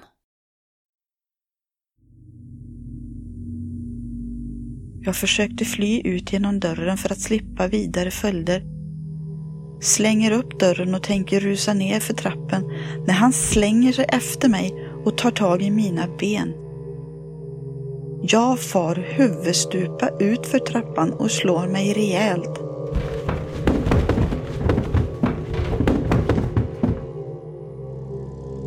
Jag reser mig upp, ser honom stå på trappan och bara tittar. Det gör ont överallt, men jag bryr mig inte. Jag måste bort. Jag har en lång raksträcka framför mig.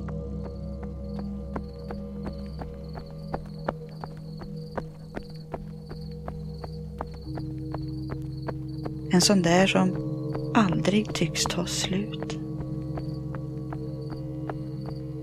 Klockan är runt halv elva på kvällen och jag ser månen framför mig. Den leder mig i mörkret.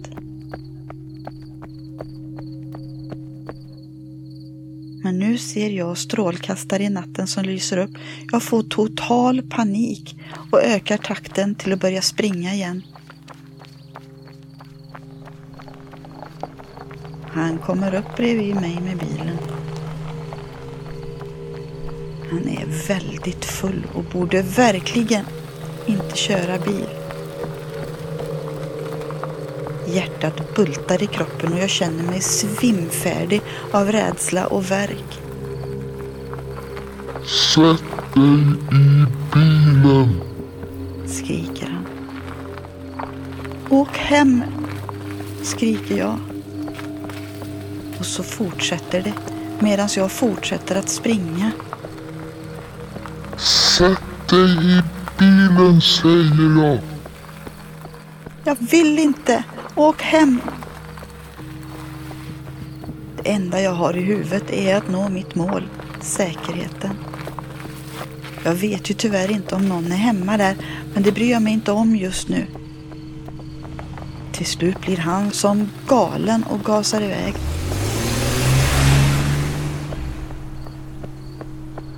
Ser honom vända bilen med en sladd nästan längre fram.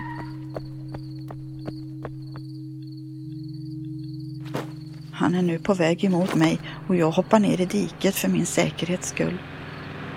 Han susar förbi i en vansinnig fart och försvinner i mörkret.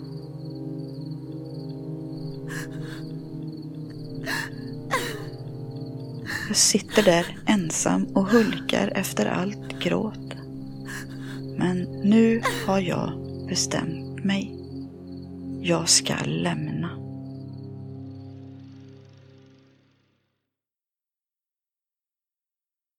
Ja, detta är en scen ur Helena B's fantastiska epilog Att hitta ut ur en rysare som släpptes i våras.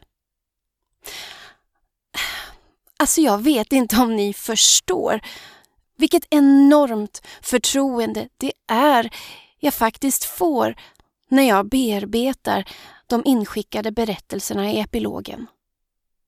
Bara att alla dessa kvinnor, som Helena B, känner modet att vilja dela sin berättelse offentligt.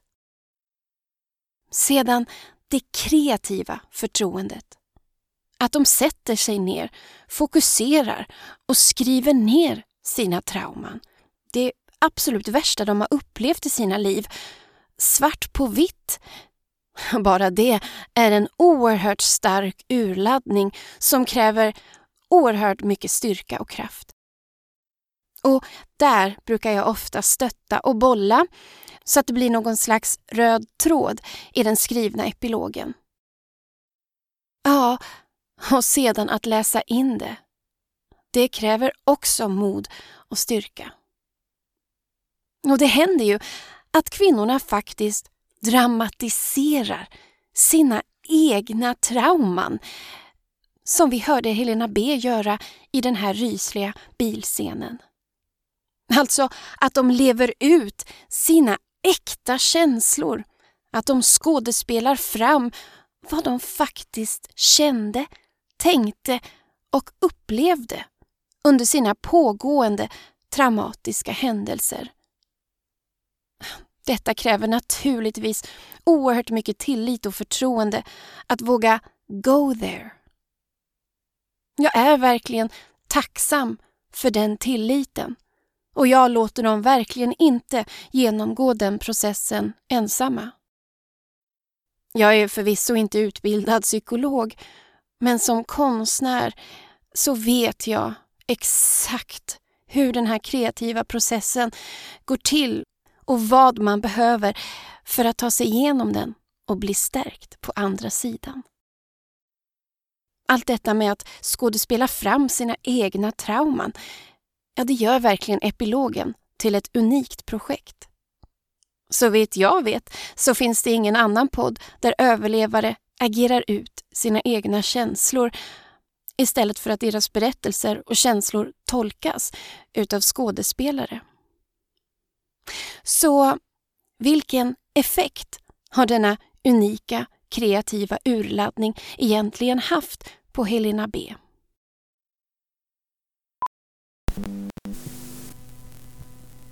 För några månader sedan fick jag en förfrågan från Mia om jag kunde tänka mig att göra en uppföljare på min rysare. Jag blev väldigt paff. Jag visste knappt vad jag skulle svara. Men insåg snart att jag inte skulle kunna hänga på mina förminskande tankar mer. Klart att jag skulle hänga på och göra det här. Det är ju detta jag brann för. Mitt sätt att betala tillbaka för all hjälp jag har fått. Det Mia gör har inte bara hjälpt mig. Det är nog oerhört många. Det är ett otroligt vackert sätt att föra ut min eller våra sanningar på. Naket och ärligt. Så detta är en ära för mig. Jag sträcker på mig en smula och tänker jag har tagit mig långväga och börjar så smått bli en glad, lycklig och en kärleksfull person igen. Som inte behöver göra mig förtjänt. Alltså, jag hatar det där ordet förtjänt. Men det är så jag har levt i väldigt många år. Förtjänt av att få kärlek. Jag behöver inte det längre, för den finns alltid runt mig. Oavsett mitt eller andras brister och styrkor. Äntligen kan jag vara Helena B.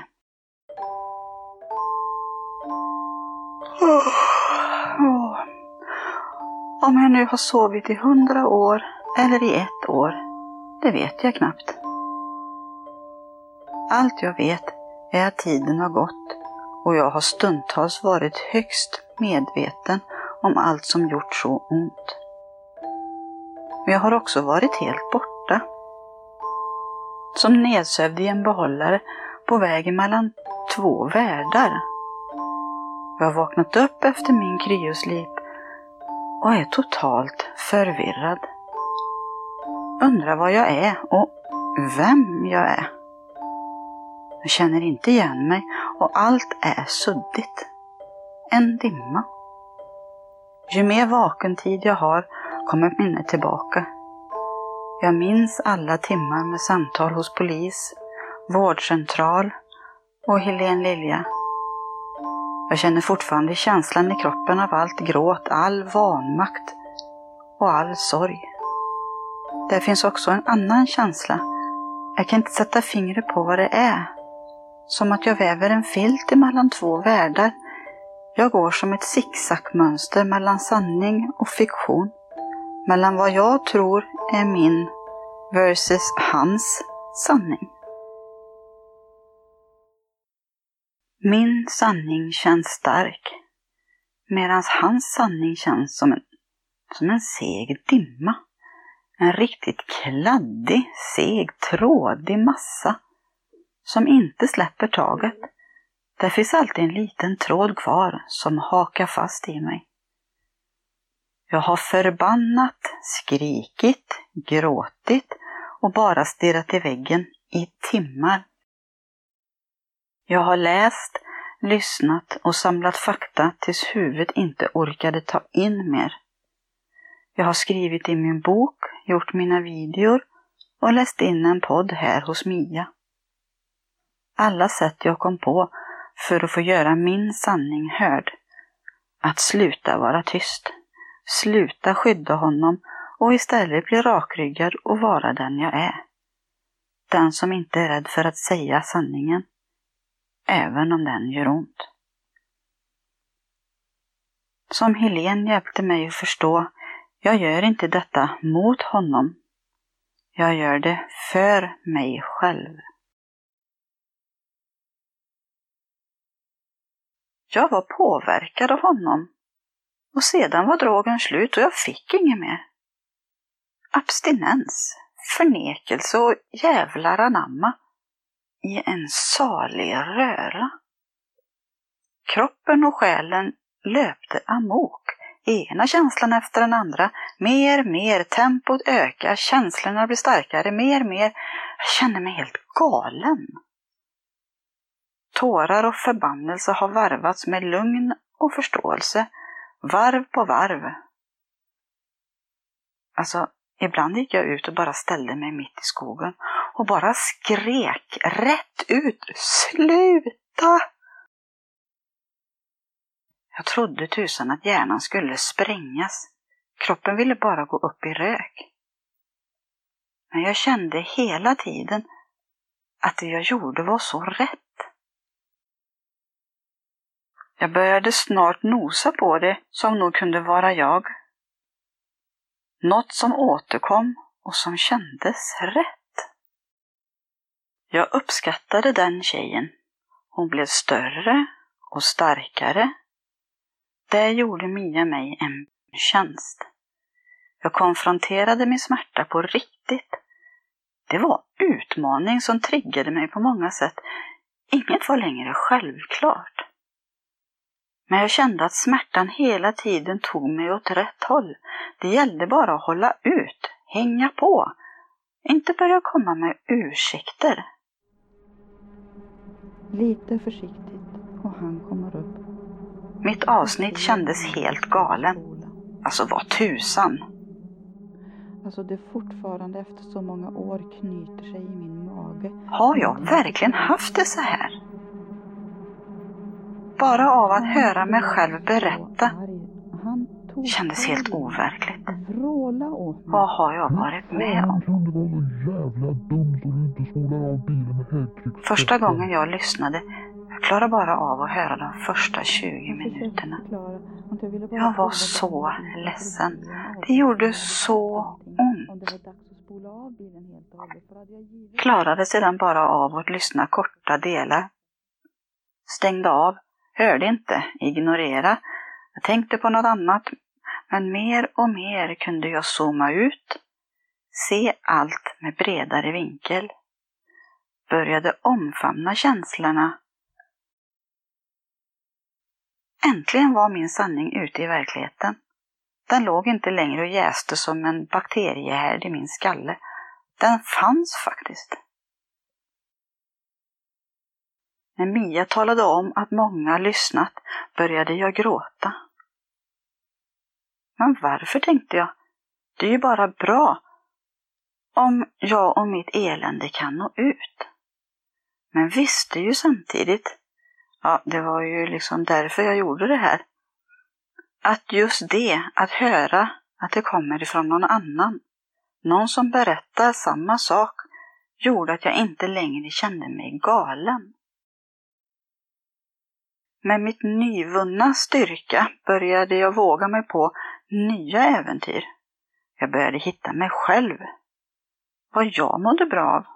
Jag hittade utmaningar som bestiga berg och vara ett med naturen. En hop stenar och jag, då var jag glad ända in i själen. Den här tiden har lärt mig att jag kan betydligt mer än jag tror. Det gäller bara att ha tillit till allt. Det som sker, det sker av en orsak. Och den orsaken kan ibland vara väldigt svår att förstå. Jag vet att jag kan lita på mig själv, men också att jag bara är en människa med massor av brister. Men det är okej. Okay. Jag har insett att jag aldrig backar. Det är en ständig rörelse framåt som gäller. Det var tungt som tusan ibland. Men det var bara att ta ett andetag. Ett steg. En tanke, gör om proceduren igen, ett andetag och så vidare. Att saker måste i mångt och mycket få börja gå i en lugn takt, men alltid framåt. För en lugn takt behöver jag, för då hinner jag med.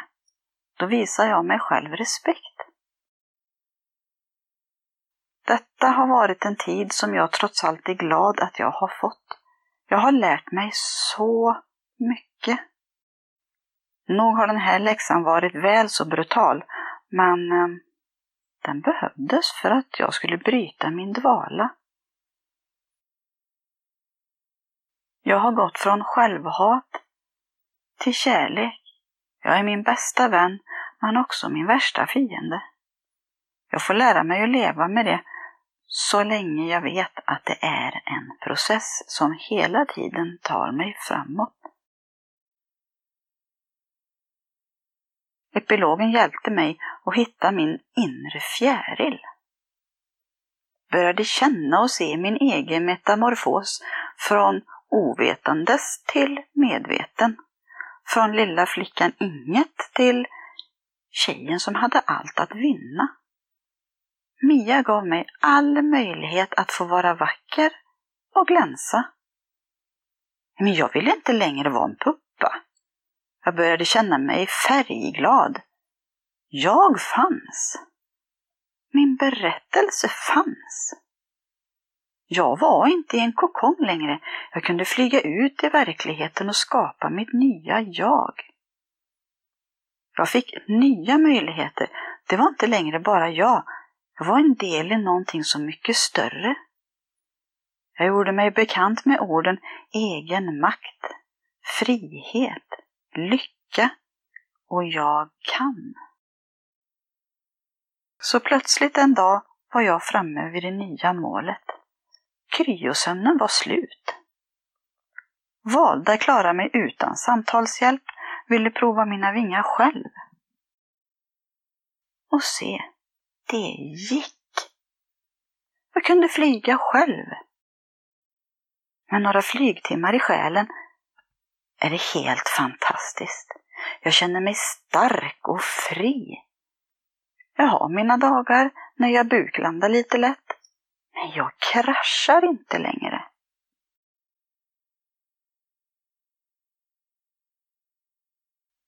Idag kan jag känna att det var denna väg jag var tvungen att ta. Jag har valt att se det här som en mognad, en insikt, en återvändsgränd. Jag hade tankemönster som var helt orimliga. Jag resonerade på ett sätt som inte stämde överens med mig själv. Alltså, jag förde mig på ett sätt som faktiskt kändes otäckt. Jag kände en avsky till den här tjejen, eller vad hon nu var. Insåg långt senare att det inte var jag. Att lämna honom var verkligen inte hela lösningen. Det var toppen på isberget. Tjejen jag var så obekväm med var till större delen honom. Genom kunskap jag fick till mig genom Youtube och lyssna på de andra avsnitten i epilogen så förstod jag att det handlade om programmeringar.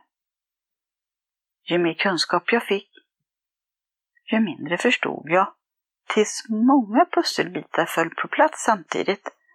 Då först förstod jag. Jag har två personer att tacka för, utan dem hade jag fastnat fastnat i kunskapsträsket där man bara matar fakta men inte använder sig av den. Mer faktiskt gömmer sig bakom den. Som ett nytt beroende. Eller en fortsatt orsak att få må dåligt.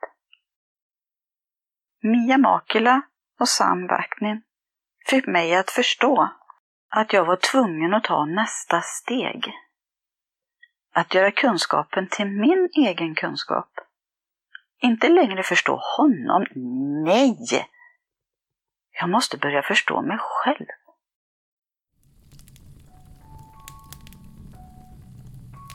Jag sitter här på fjället, äntligen hittat min plats. Trött efter min långa resa. Resan från lilla flickan Inge till tjejen som hade allt att vinna. Det finns numera något där som inte längre tillåter mig att köras med. Jag har till och med tagit den där stenen som jag tidigare kröp in under och gömde mig. Den stenen är nu fundament. Stadig grund för framtiden. Jag har verkligen börjat hitta mig själv och jag tycker faktiskt om det jag känner och ser. Det är nytt och lite skrämmande ibland, men det är så intressant. Jag har ju nya människor i mitt liv och trodde aldrig jag skulle våga känna något igen. Jag trodde faktiskt att den vägen skulle vara stängd för alltid. Men så fel jag hade. Jag har haft lyckan att hitta godbitar i vardagen.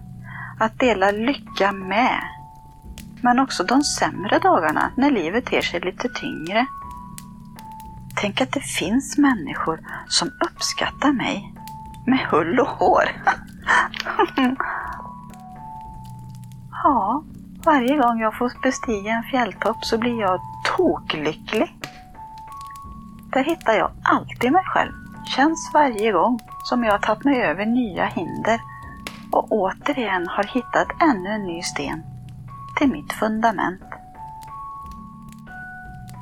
Men med mina nya inslag av fjäll och natur, vatten, vandring och kärlek så känns det andra inte lika tufft.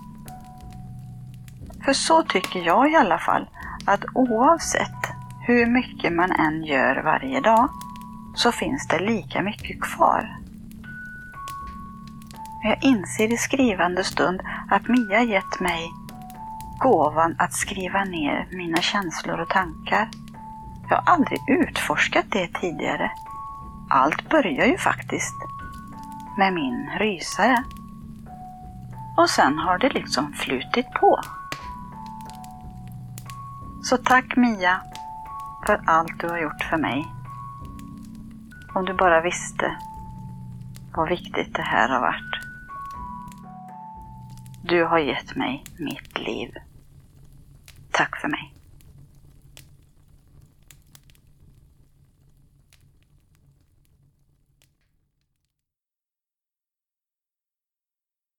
Helena, tack så hjärtligt. Dina ord värmer så skönt, ska du veta. Vi skapade verkligen något väldigt vackert tillsammans, du och jag, även fast den här rysaren faktiskt var ditt liv i så många år. När jag klippte Helena B's epilog tänkte jag mycket på hur läkningsprocessen efter narcissistisk misshandel till största delen handlar om att återkoppla kontakten till sig själv och till sin innersta kärna, som ofta inte blivit bekräftad eller älskad på rätt sätt i barndomen. Minns ni att jag tidigare nämnde att vi skulle prata lite mer om det här med att försvinna i en relation? Det var nämligen så att förra våren scrollade jag runt på sociala medier och snubblade över ett videoinlägg från musikern och konstnären Serefie Byrge från bandet Televote som ju sjöng en sådan oerhört vacker tolkning av Stilla natt i epilogens första vinterspecial, om ni minns det. Inlägget som jag såg sitter Serafi och spelar på sitt piano upplyst av fönstret bakom henne. Så börjar hon sjunga. Och jag blev helt förtrollad av både rösten och låten. Texten till videon lyder så här. En av de senaste låtarna jag skrivit. Den heter Min vän och handlar om saknad och önskan. Och jag bara hör hur den passar så fint in på känslorna man känner om att längta efter att känna den där connection med sig själv igen. När man liksom saknar sig själv och saknar att vara sin egen vän. Så jag frågade Serafi om hon kunde tänka sig att bidra med en inspelad version av låten Min vän här i årets vinterspecial. Och hon sa direkt ja.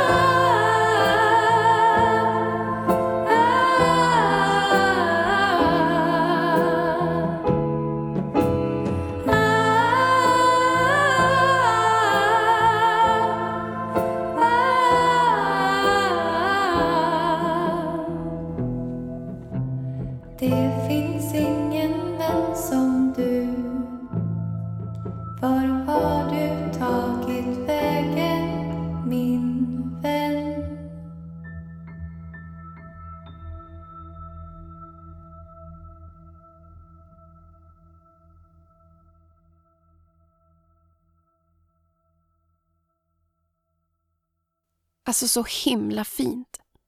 Tack snälla Serafi Byrge och Pixie Kamford Karlsson, Anna Salinder och Push Samuelsson i Televote. Följ gärna Televote på Instagram där de finns som Televote Music. Det är inte många hälsningar kvar nu i vårt myspysiga vinterspecial. Men näst på tur är Siri från epilogen min narcissistiska mamma. Siri, som så rörande och insiktsfullt lyckades fånga de där subtila men avgörande detaljerna som är så oerhört skadliga inom familjerelaterad narcissism. De där små mentala tjuvnypen i handlingar som fyller upp utrymmet mellan raderna och ändå kan säga mer än de sylvassa orden som sätter sig som en giftpil i ens medvetande, själ och hjärta.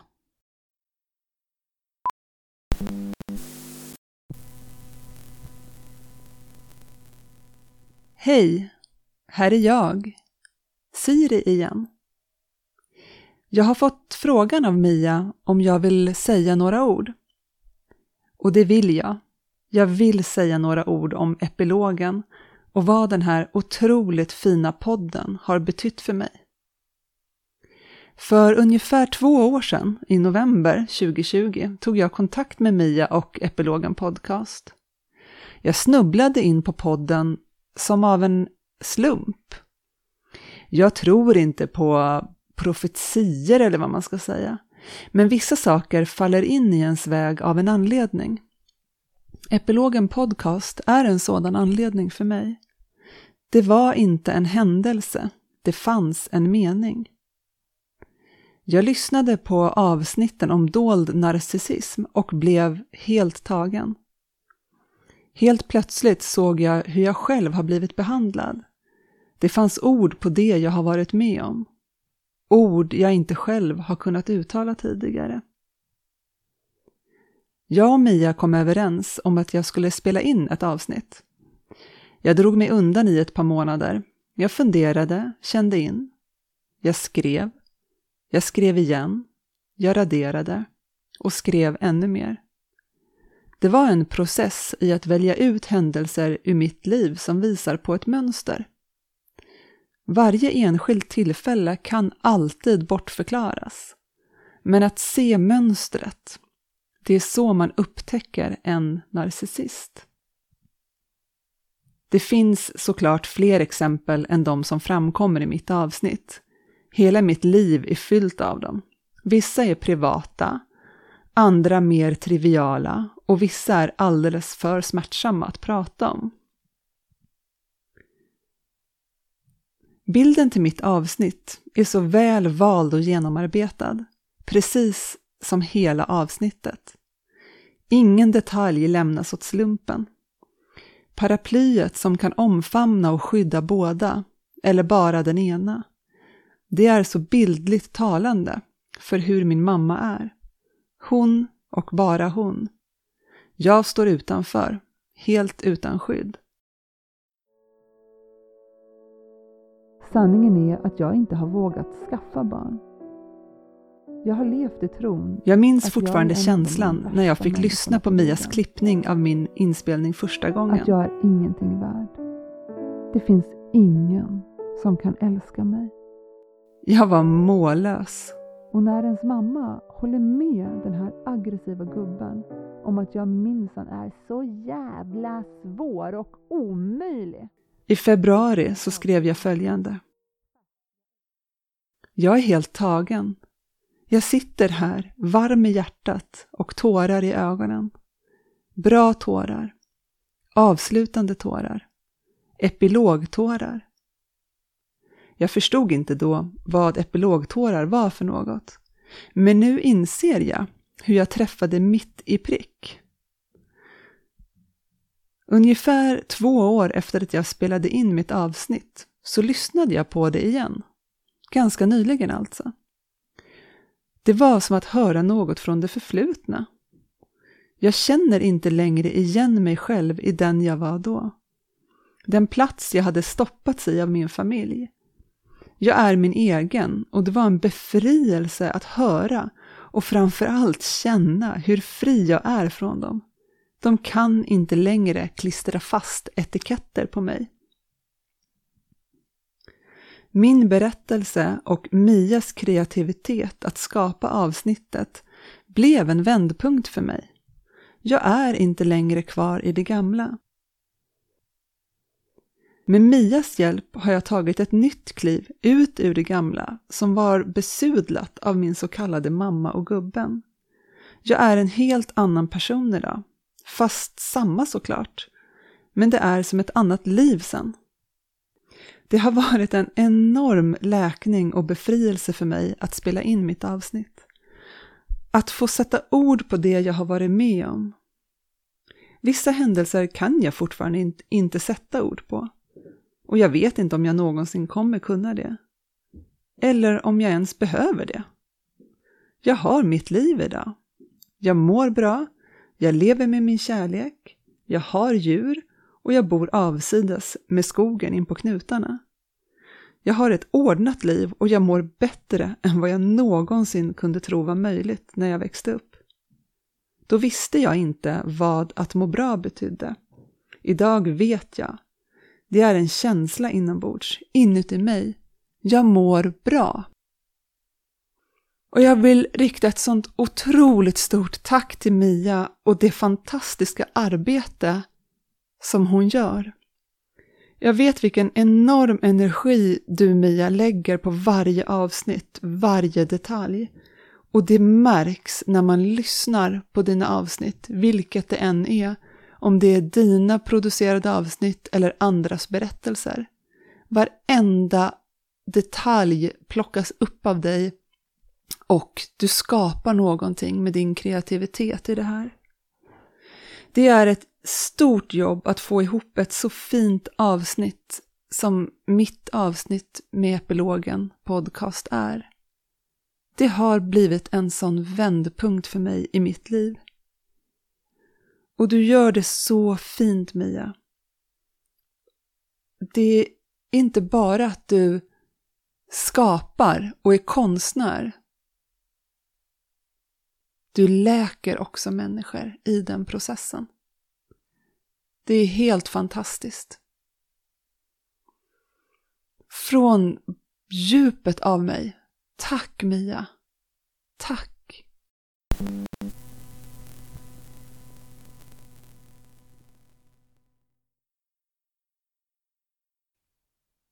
Alltså, jag blir så rörd. Så glad. Tusen tack Siri. Jag brukar ha svårt att ta till mig när andra säger fina saker till mig. Men det här, det här gick rakt in i min själarot. Och det kommer jag alltid att bära med mig.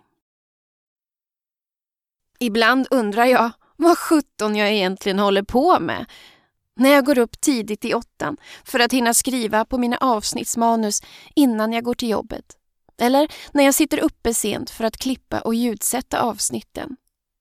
Jag jobbar verkligen så hårt med podden. Lägger ner både min själ och all min fria tid. Helt gratis och ideellt. Är jag en workaholic? Eller är jag bara knäpp? Undrar jag ibland. Men nej, det är när jag hör Siris varma ord om läkning och när Jessica pratar om att sätta punkt, att få closure. Och när Helena B beskriver att hennes kreativitet har börjat flöda efter att ha skapat sin epilog. Det är då som jag vet att det är värt allt slit. Och jag har faktiskt kul när jag skapar avsnitten, hur tunga de än må vara. Så det är verkligen en, ja, en slags win-win-win situation. Det är en win för mig som konstnär och författare som dessutom läker genom att skapa epilogen. Och det är en win för de överlevare som bidragit till podden och självklart även en win för er som lyssnar och tar del av kunskapen i avsnitten. Näst sist ut har vi en annan Helena, nämligen Helena från Bakom fasaden-podden. En fin och lugn dialogpodd om traumaläkning, anknytningsstilar och personlig utveckling. Och där jag faktiskt var med i ett avsnitt för något år sedan.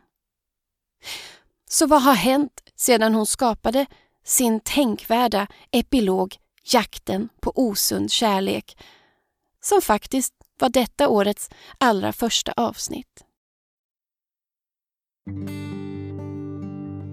Hej! Det är jag, Helena, från Bakom fasaden-podden. Vill bara höra av mig igen och berätta lite grann. Hur går mina tankar idag? Hur har det gått? I min epilog så berättade jag om tidigare erfarenheter med kärlek, framförallt de mest tidiga erfarenheterna. Och jag pratade om att jag inte hade haft några seriösa, sunda relationer. Jag vill lägga till lite grann där.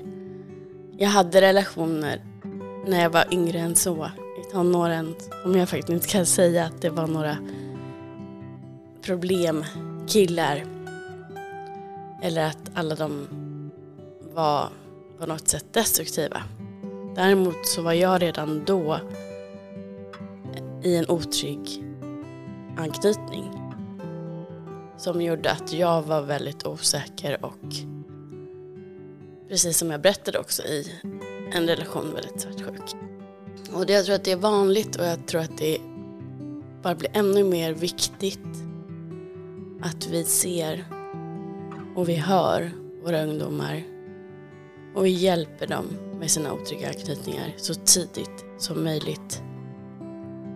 Också med kunskapen om att det inte är någonting som är ett personlighetsdrag. Det är inte våra personligheter som gör oss osäkra i kärlek eller osäkra med närhet. Utan det är ju sånt som vi har lärt oss när vi har knutit an till våra omsorgspersoner tidigare i livet. Och det är någonting vi kan lära om. Många tror att det är bara så här jag är och det är inte så. Jag är ett levande exempel på det. Idag har jag en sund relation med mig själv. Och det är den viktigaste relationen vi har.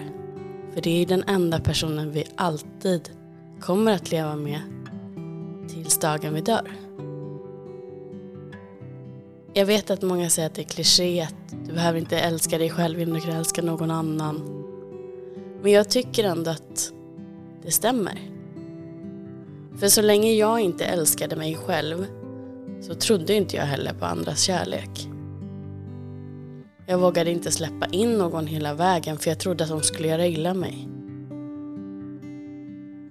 Jag släppte inte in någon hela vägen och jag ville inte heller göra det. Jag ville inte heller att någon skulle vilja det.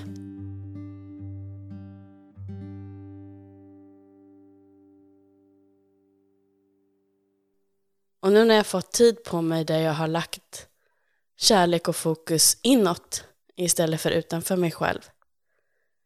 När jag lärt mig att sätta gränser och vad som är okej okay, och vad som absolut inte är okej okay med mig. Så litar jag också på mig själv idag. Jag litar på de besluten jag tar gällande vilka jag släpper in och vilka jag inte släpper in. Och de jag litar på att det är okej att släppa in, de relationerna vågar jag släppa in hela vägen idag. För jag vet att oavsett vad som händer så kan jag hålla mig själv om det skulle vara så att jag blir sårad och jag blir ledsen. Det är ingen katastrof utan snarare en del av livet. Och det vackra med att släppa in någon och skapa den här ultimata intimiteten. När du får verkligen visa vem du är och vice versa. Jag har svårt att tänka på någonting vackrare. Så det går. Det går att förändra, men du måste vilja det själv. Och du kan inte göra det för någon annans skull än din egen. För det håller inte och du kommer inte heller tro på det. Du behöver människor omkring dig som du litar på att du litar på att de vill ditt bästa. Och att du så småningom vågar sänka den här garden och ta bort skölden omkring dig. Hade jag sagt det här till mig själv för bara kanske två, tre år sedan hade det känts omöjligt. Men jag sitter ju här idag och vet att det är möjligt. Jag tror aldrig att fråga om mig att inte göra den här resan. Frågan var bara, ska jag tänka att jag måste vara redo? Eller ska jag bara go for it? Och det blir ju ändå så här att när du inser, som jag, att du är den enda som kan förändra vilka du dras till och vilka som har påverkan på dig själv och ditt liv så förstår du att det är också någonting som du har ansvar för själv. Och det blir lite eh, tråkigt att skylla på andra, att hitta på anledningar till varför det, det är de som gör fel eller du är bara ett offer. Alla andra, skitsamma vad alla andra gör. Om du bara fokuserar på vad alla andra gör och dessutom den här lilla klicken, som det faktiskt ändå är, som gör fel, som själva är så osäkra och oälskade av sig själva, då ser du en väldigt liten del av världen. Och du går miste om så mycket fint. Jag vet att det är läskigt. Jag vet att ibland så är det så att bara tanken att vända blicken inåt känns otroligt skrämmande. Att du tror att du inte riktigt vet om du kan hålla dig själv i en smärta som ska uppkomma. Och det är klart att det kan komma upp smärta. Men som sagt, smärta är en del av livet. Vi är inte skapta för att aldrig känna smärta. Men ja, vi är skapta för att försöka undvika den. Men även om människan är skapt för att undvika smärta så dör vi inte längre av den för vi lever inte på samma sätt. Det har blivit istället en emotionell smärta som vi är otroligt rädda för. Och vi dör inte av den, även om det kan kännas så. Jag vet, jag har också känt att nu dör jag när panikångesten river i mig. Om du kan få lära dig att sitta i obehag och inte tycka att det är så himla farligt längre. Om du kan sitta i smärta och bara låta tårarna få rinna. Kanske skrika, slå en kudde.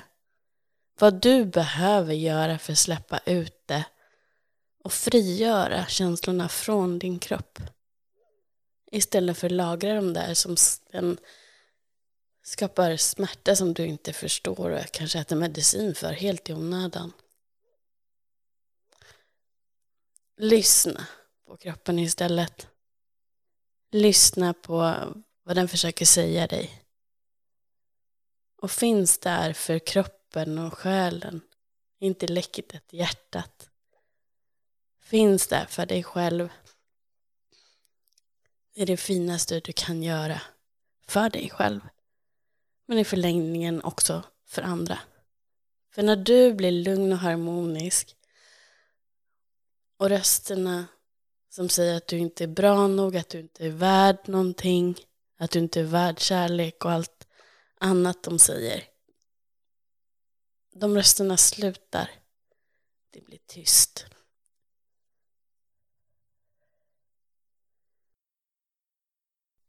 När jag tittar tillbaka så har jag ändå lärt mig otroligt mycket och framförallt om mig själv.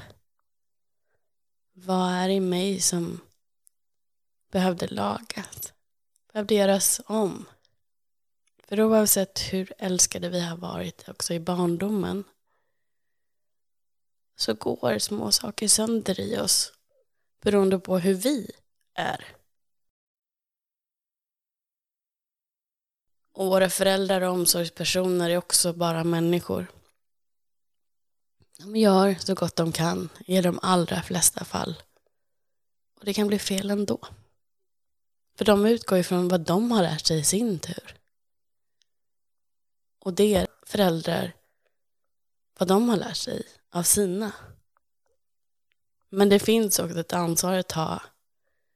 Att det som förs framåt i generationer kan du vara den som stannar snöbollen eller vad vi kallar det för. Det är du som sätter stopp för det här. Genom att du skapar medvetenhet och med kärlek förstår och accepterar vad som har hänt. Men också läker och gör om. För mig var det oundvikligt som adoptivbarn att inte gå med smärta inombords. Med mer kunskap så går det att titta på det här och göra om processen.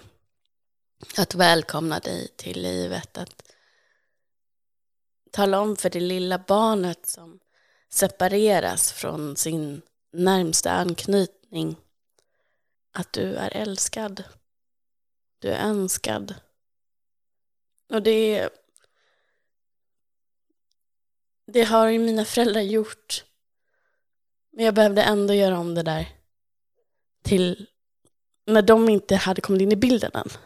För det var där mitt sår låg. Och idag så kan jag bara luta mig tillbaka och, och tro på det.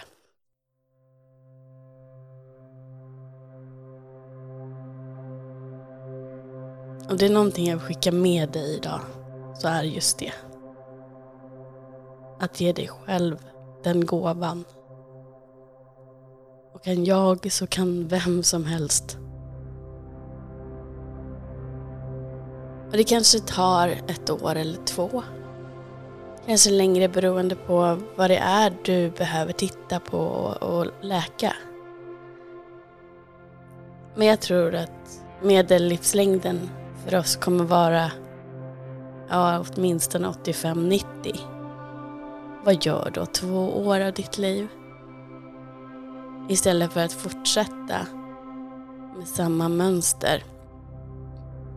Samma onda cirkel med relationer. Om du kan sätta ett stopp för det. Jag har gått från att inte vilja leva längre till att leva istället för att överleva. Och för mig är det det bästa jag någonsin har gjort. Och det för mig är lyckan. Jag behöver inte längre sätta min lycka i andras händer. Eller tro att den ens någonsin fanns där. Jag trodde det då. Idag vet jag att lycka är någonting du skapar. Och du har makten i dina händer att skapa exakt det liv du vill leva. Med det sagt, tack för att du har lyssnat och ta hand om dig.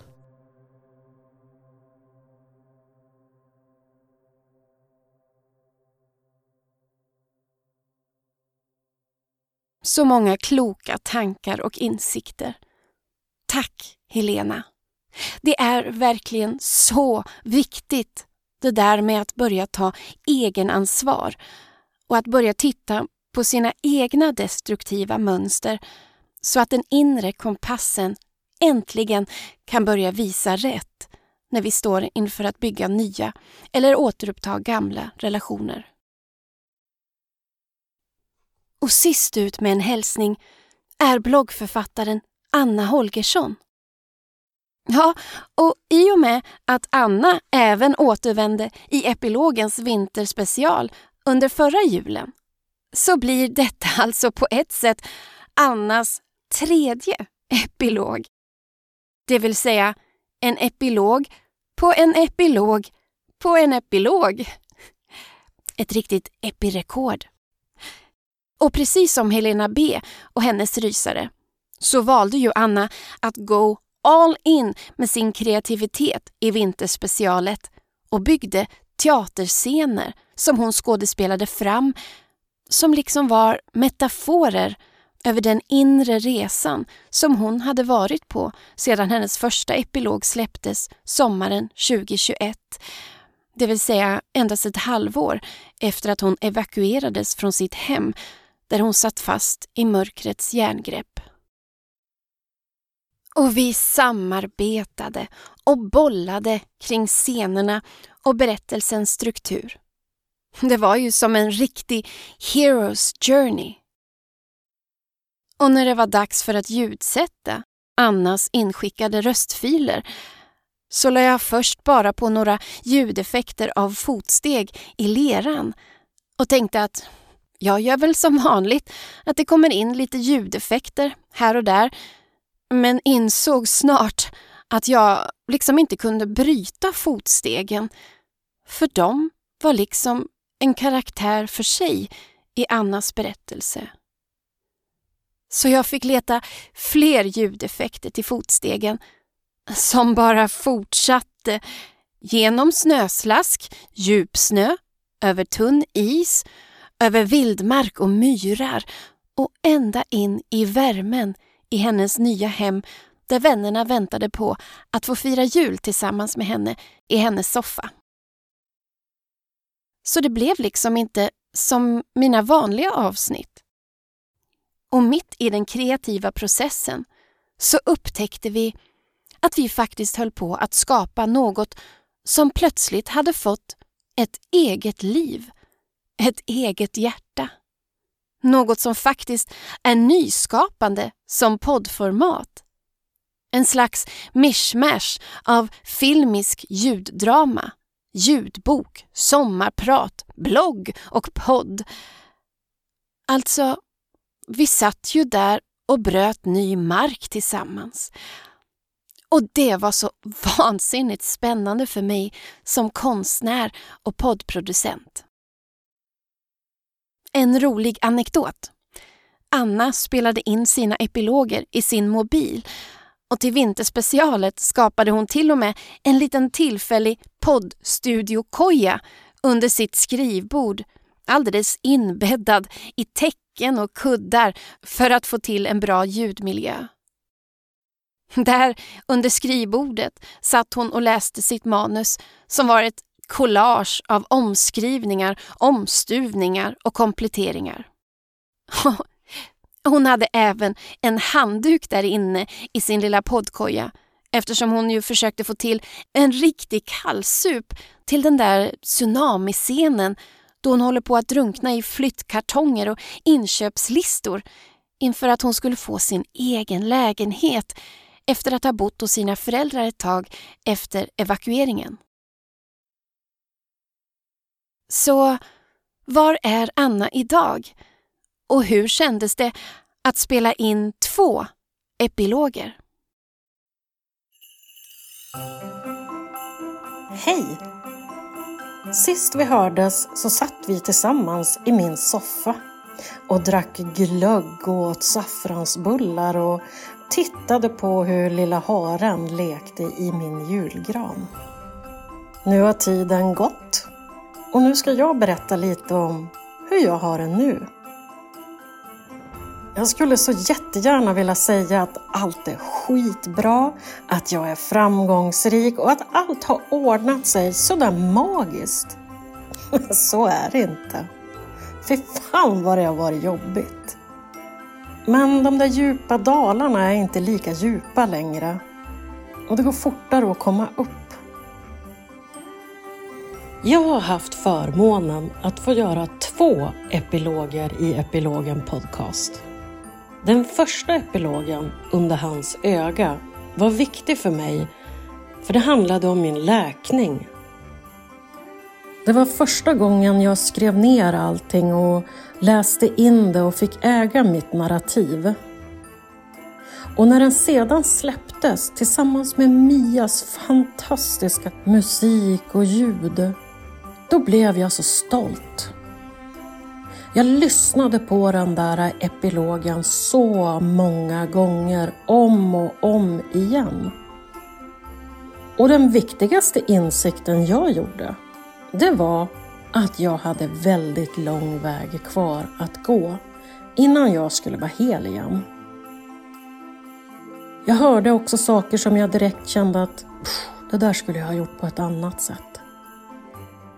Så när Mia frågade mig om jag hade lust att vara med och göra en vinterspecial så sa jag direkt ja. Jag fick kreativt fria tyglar och jag gick ju bananas. Och det var så vansinnigt roligt.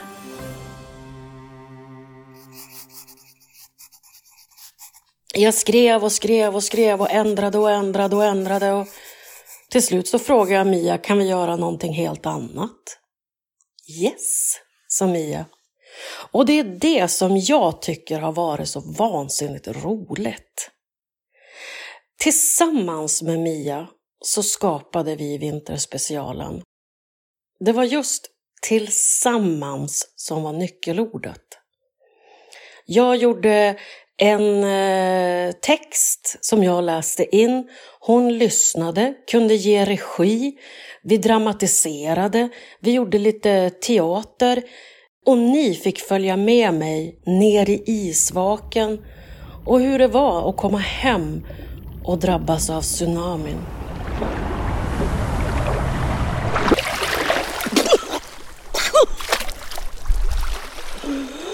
Ur den långa vägen hem, Annas andra epilog.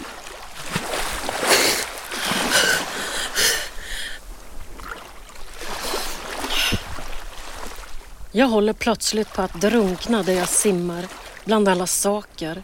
Jag känner mig vilse och förtvivlad. För sån här röra ville jag aldrig någonsin leva i. Det här är övermäktigt. Jag trampar vatten och jag håller huvudet ovanför vattenytan.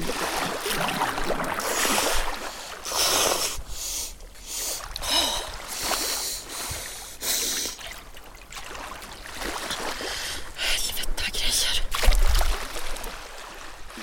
Runt mig flyter kartonger och bråte. Jag får flashback till leran och alla diken jag krupit i och jag blir så himla förtvivlad.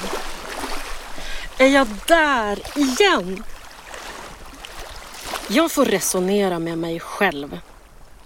Det här är en flodvåg och det betyder att vattnet kommer dra sig tillbaka.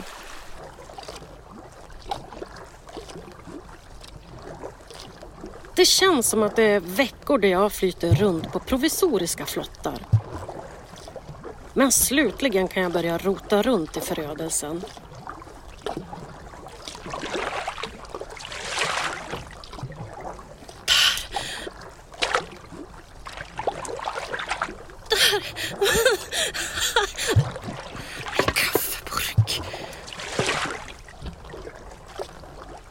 Jag lyckas rota fram en provisorisk säng. Och jag hittar min tandborste som flyter runt som en kork. Jag noterar andra saker som guppar runt omkring.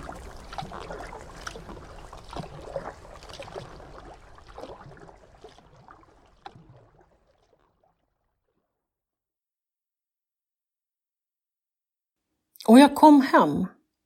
Jag kom verkligen hem och då hade vi faktiskt kommit ikapp där jag var. Jag tror aldrig jag har gjort någonting roligare än just epilogens vinterspecial. Epilogerna har varit en annan resa. Det har varit en resa där Mia hjälpt mig att hitta tillbaka till min kreativitet. Den där kreativiteten som var helt död.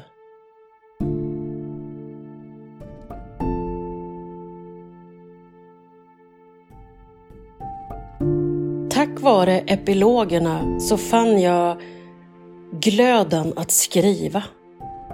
Men Mia hjälpte mig att hitta nya uttryckssätt, nya sätt att vara kreativ på.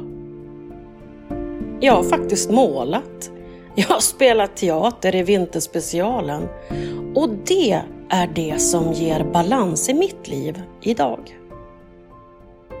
Min arbetsterapeut frågade mig vad jag tycker är roligt och jag fick sätta mig och fundera. Uh, ja... För under den här hösten har jag verkligen glömt bort att ha roligt. Jag har varit så fokuserad på ekonomi, arbete, att få i ordning alla bitar som krävs för en vardag.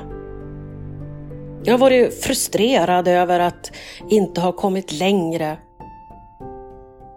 Men det är just det där med kreativiteten. Det är det som blir balansen mot vardagen. Det är att få hitta nyfikenheten, att gå andra vägar, att se på möten med människor med intresse, nyfikenhet, inte med misstänksamhet och eh, skepsis. Epilogen har på många sätt fått mig att hitta mitt autentiska jag. För det är jag evigt tacksam. Så vad har hänt efter vinterspecialen? Egentligen inget fyrverkeri, ingen dramatik, inget kaos. Istället njuter jag av trygghet, stabilitet och jag är oerhört tacksam för rutiner. Det låter dödstråkigt. Men det är precis vad jag behöver. Det jag låter följa med mig, det är naturen. Jag behöver naturen och närheten till den. Jag bor i en stad, så jag bor inte ute i skogen. Men jag har hittat parker och trädgårdar. Jag har hittat små, små dungar av träd och där har jag faktiskt hittat ekorrar. Dit går jag när jag behöver kraft. Jag går dit även om jag inte behöver kraft, men bara för att. För jag vet att det är någonting jag mår bra av. Och det är väl lite så det är när man har levt i ett kaos och i ett mörker. Vi måste bara lära oss vad vi behöver för att må bra. Skapa utrymme för det i vårt nya liv.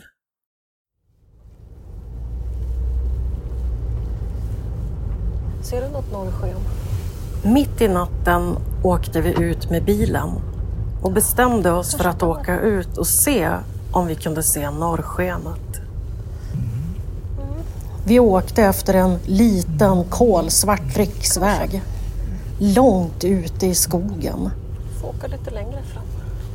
Vi var tvungna att försöka nå en höjd och en öppen plats för att kunna se, för vi hade tänkt fota norrsken. Gud vad mörkt det är.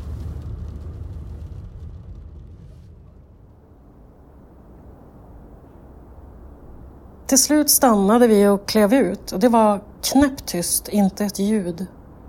Kolsvart. Jag stod och tittade upp på stjärnorna och tänkte jäklar vad liten jag är här där jag står i mörkret. Och så genomfors jag av den där oändliga tacksamheten att få uppleva det.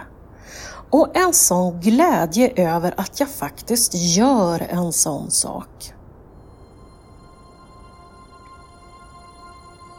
Och så såg vi norrskenet.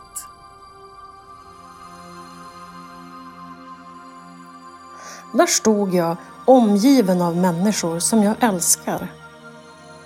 Och där stod vi och delade den där äh, förunderliga stunden i den mäktiga naturen.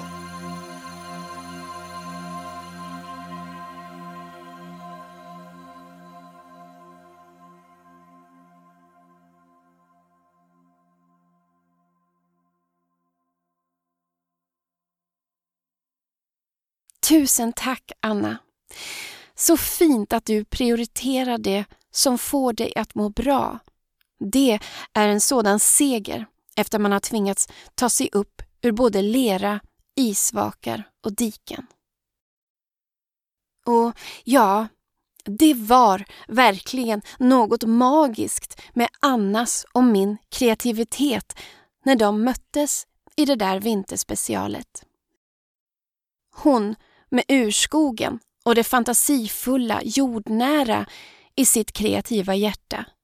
Och jag med kärleken till filmen, Hollywood och det konstnärligt surrealistiska. Det är en sådan spännande mix. Direkt efter att det där vinterspecialet var släppt kände vi att det definitivt fanns mer att utforska tillsammans. Så under förra julen och nyår så satt vi faktiskt och planerade ett kreativt samarbete i en framtida podd som skulle heta Karavanen. Men det samarbetet gick rätt snabbt i stöpet. Ibland är ens drömmar och ambitioner inte ett dugg i synk med livspusslet. Man är inte alltid där än. Men till detta avsnitt återtändes den där gnistan i vårt kreativa samarbete. Och ja, nu så här i slutet av detta avsnitt kan jag väl avslöja att jag har bjudit in Anna att vara medskapare till min kommande podd Prologen Podcast som jag berättade om i början av avsnittet Narcissistisk misshandel och som troligtvis kommer att ha premiär under nästa höst. Yes! Äntligen står stjärnorna rätt på himlen för oss båda. Alltså det här, det gör mig så himla, himla glad och lycklig. Så nu, när det inte är så många avsnitt kvar av epilogen, så vet ni att det inte är så sorgligt ändå, utan endast en övergång från epilogen till den lite mer litterära, filmiska och fantasifulla prologen podcast. Och vad den kommer att handla om nu när jag har liksom bytt tankespår, det kommer vi så småningom att avslöja på Prologen Podcasts Instagramkonto och Facebook-sida som redan nu finns att följa. Ja, även om det inte finns så mycket att se där just nu så kommer det med tiden att fyllas på med inlägg kring skapandet och uppbyggandet av Prologen Podcast. Ja, det var allt i det allra sista vinterspecialet från mig och epilogen. Igen så vill jag verkligen tacka alla kvinnor som har skickat in hälsningar till detta vinterspecial. Ni är alla en del av epilogen och förtjänar en rejäl cred för era bidrag. Mitt möte med er och med lyssnarna kommer jag spara i mitt hjärta för alltid, även när arbetet med podden är över. Jag som skriver, producerar och framför Epilogen Podcast heter Mia Makila och är konstnär. Men jag skriver även på tre böcker, varav en kommer att basera sig på mitt arbete med den här podden.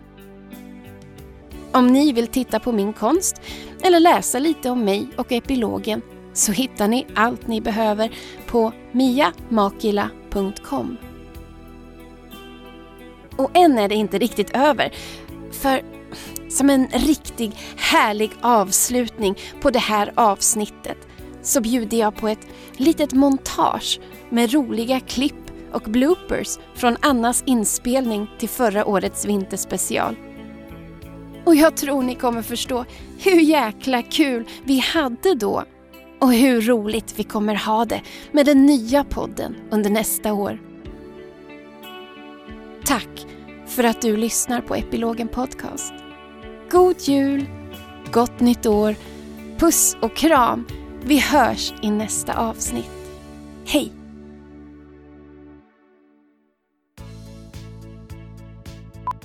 Hej Mia!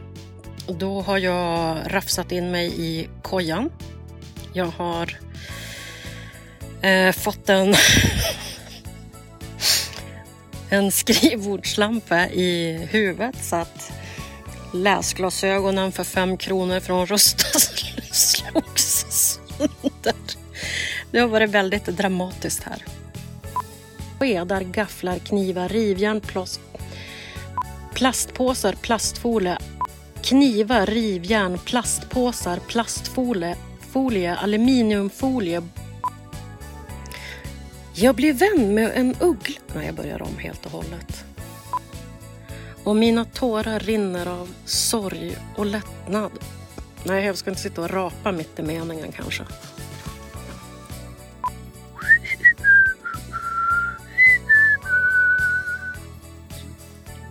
Så nu jävlar får det bli en bra duschscen det där. Tack. Nej. Nej. Inga vampyr... Inga vampyrer som suger ut mig. Nej, men vad fan.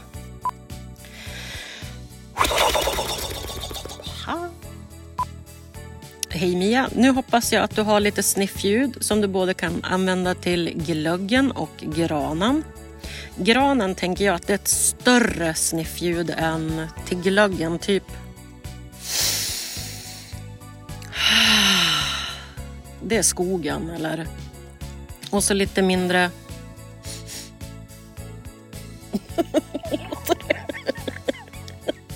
kommer snart sonen in och frågar exakt vad det är för podd jag spelar in.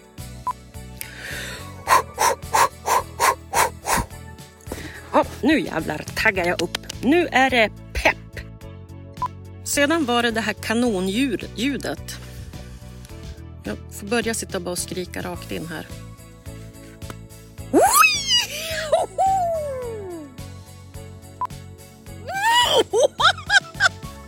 Oj, jag skulle spy. Stackars dig Mia som får sitta och bli traumatiserad av alla ljud och tjohon. Hela granen gnistrar och tindrar. I den har jag varsamt hängt upp alla skira dekorationer. Alla skira dekorationer. Helvetes jävla grannjävlar. Under gr... Hon ser så avslappnad ut där hon sträcker ut sig. Men hennes blick är vaksam och vaksam.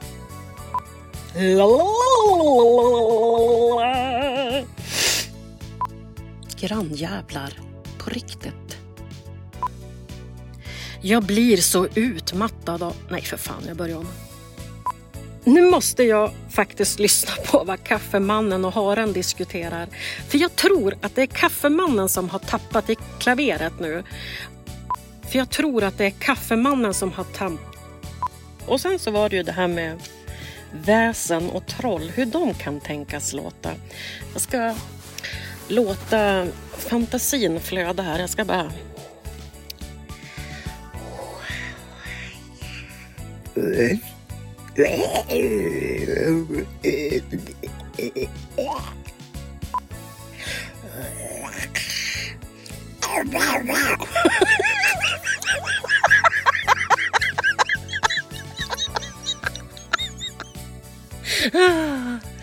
Åh, ah, gode gud.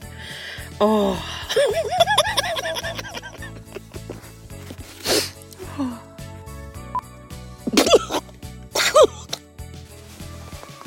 Usch vad, usch vad mycket vatten det blev överallt. Jag hoppas något av det där går att använda. Åh herregud.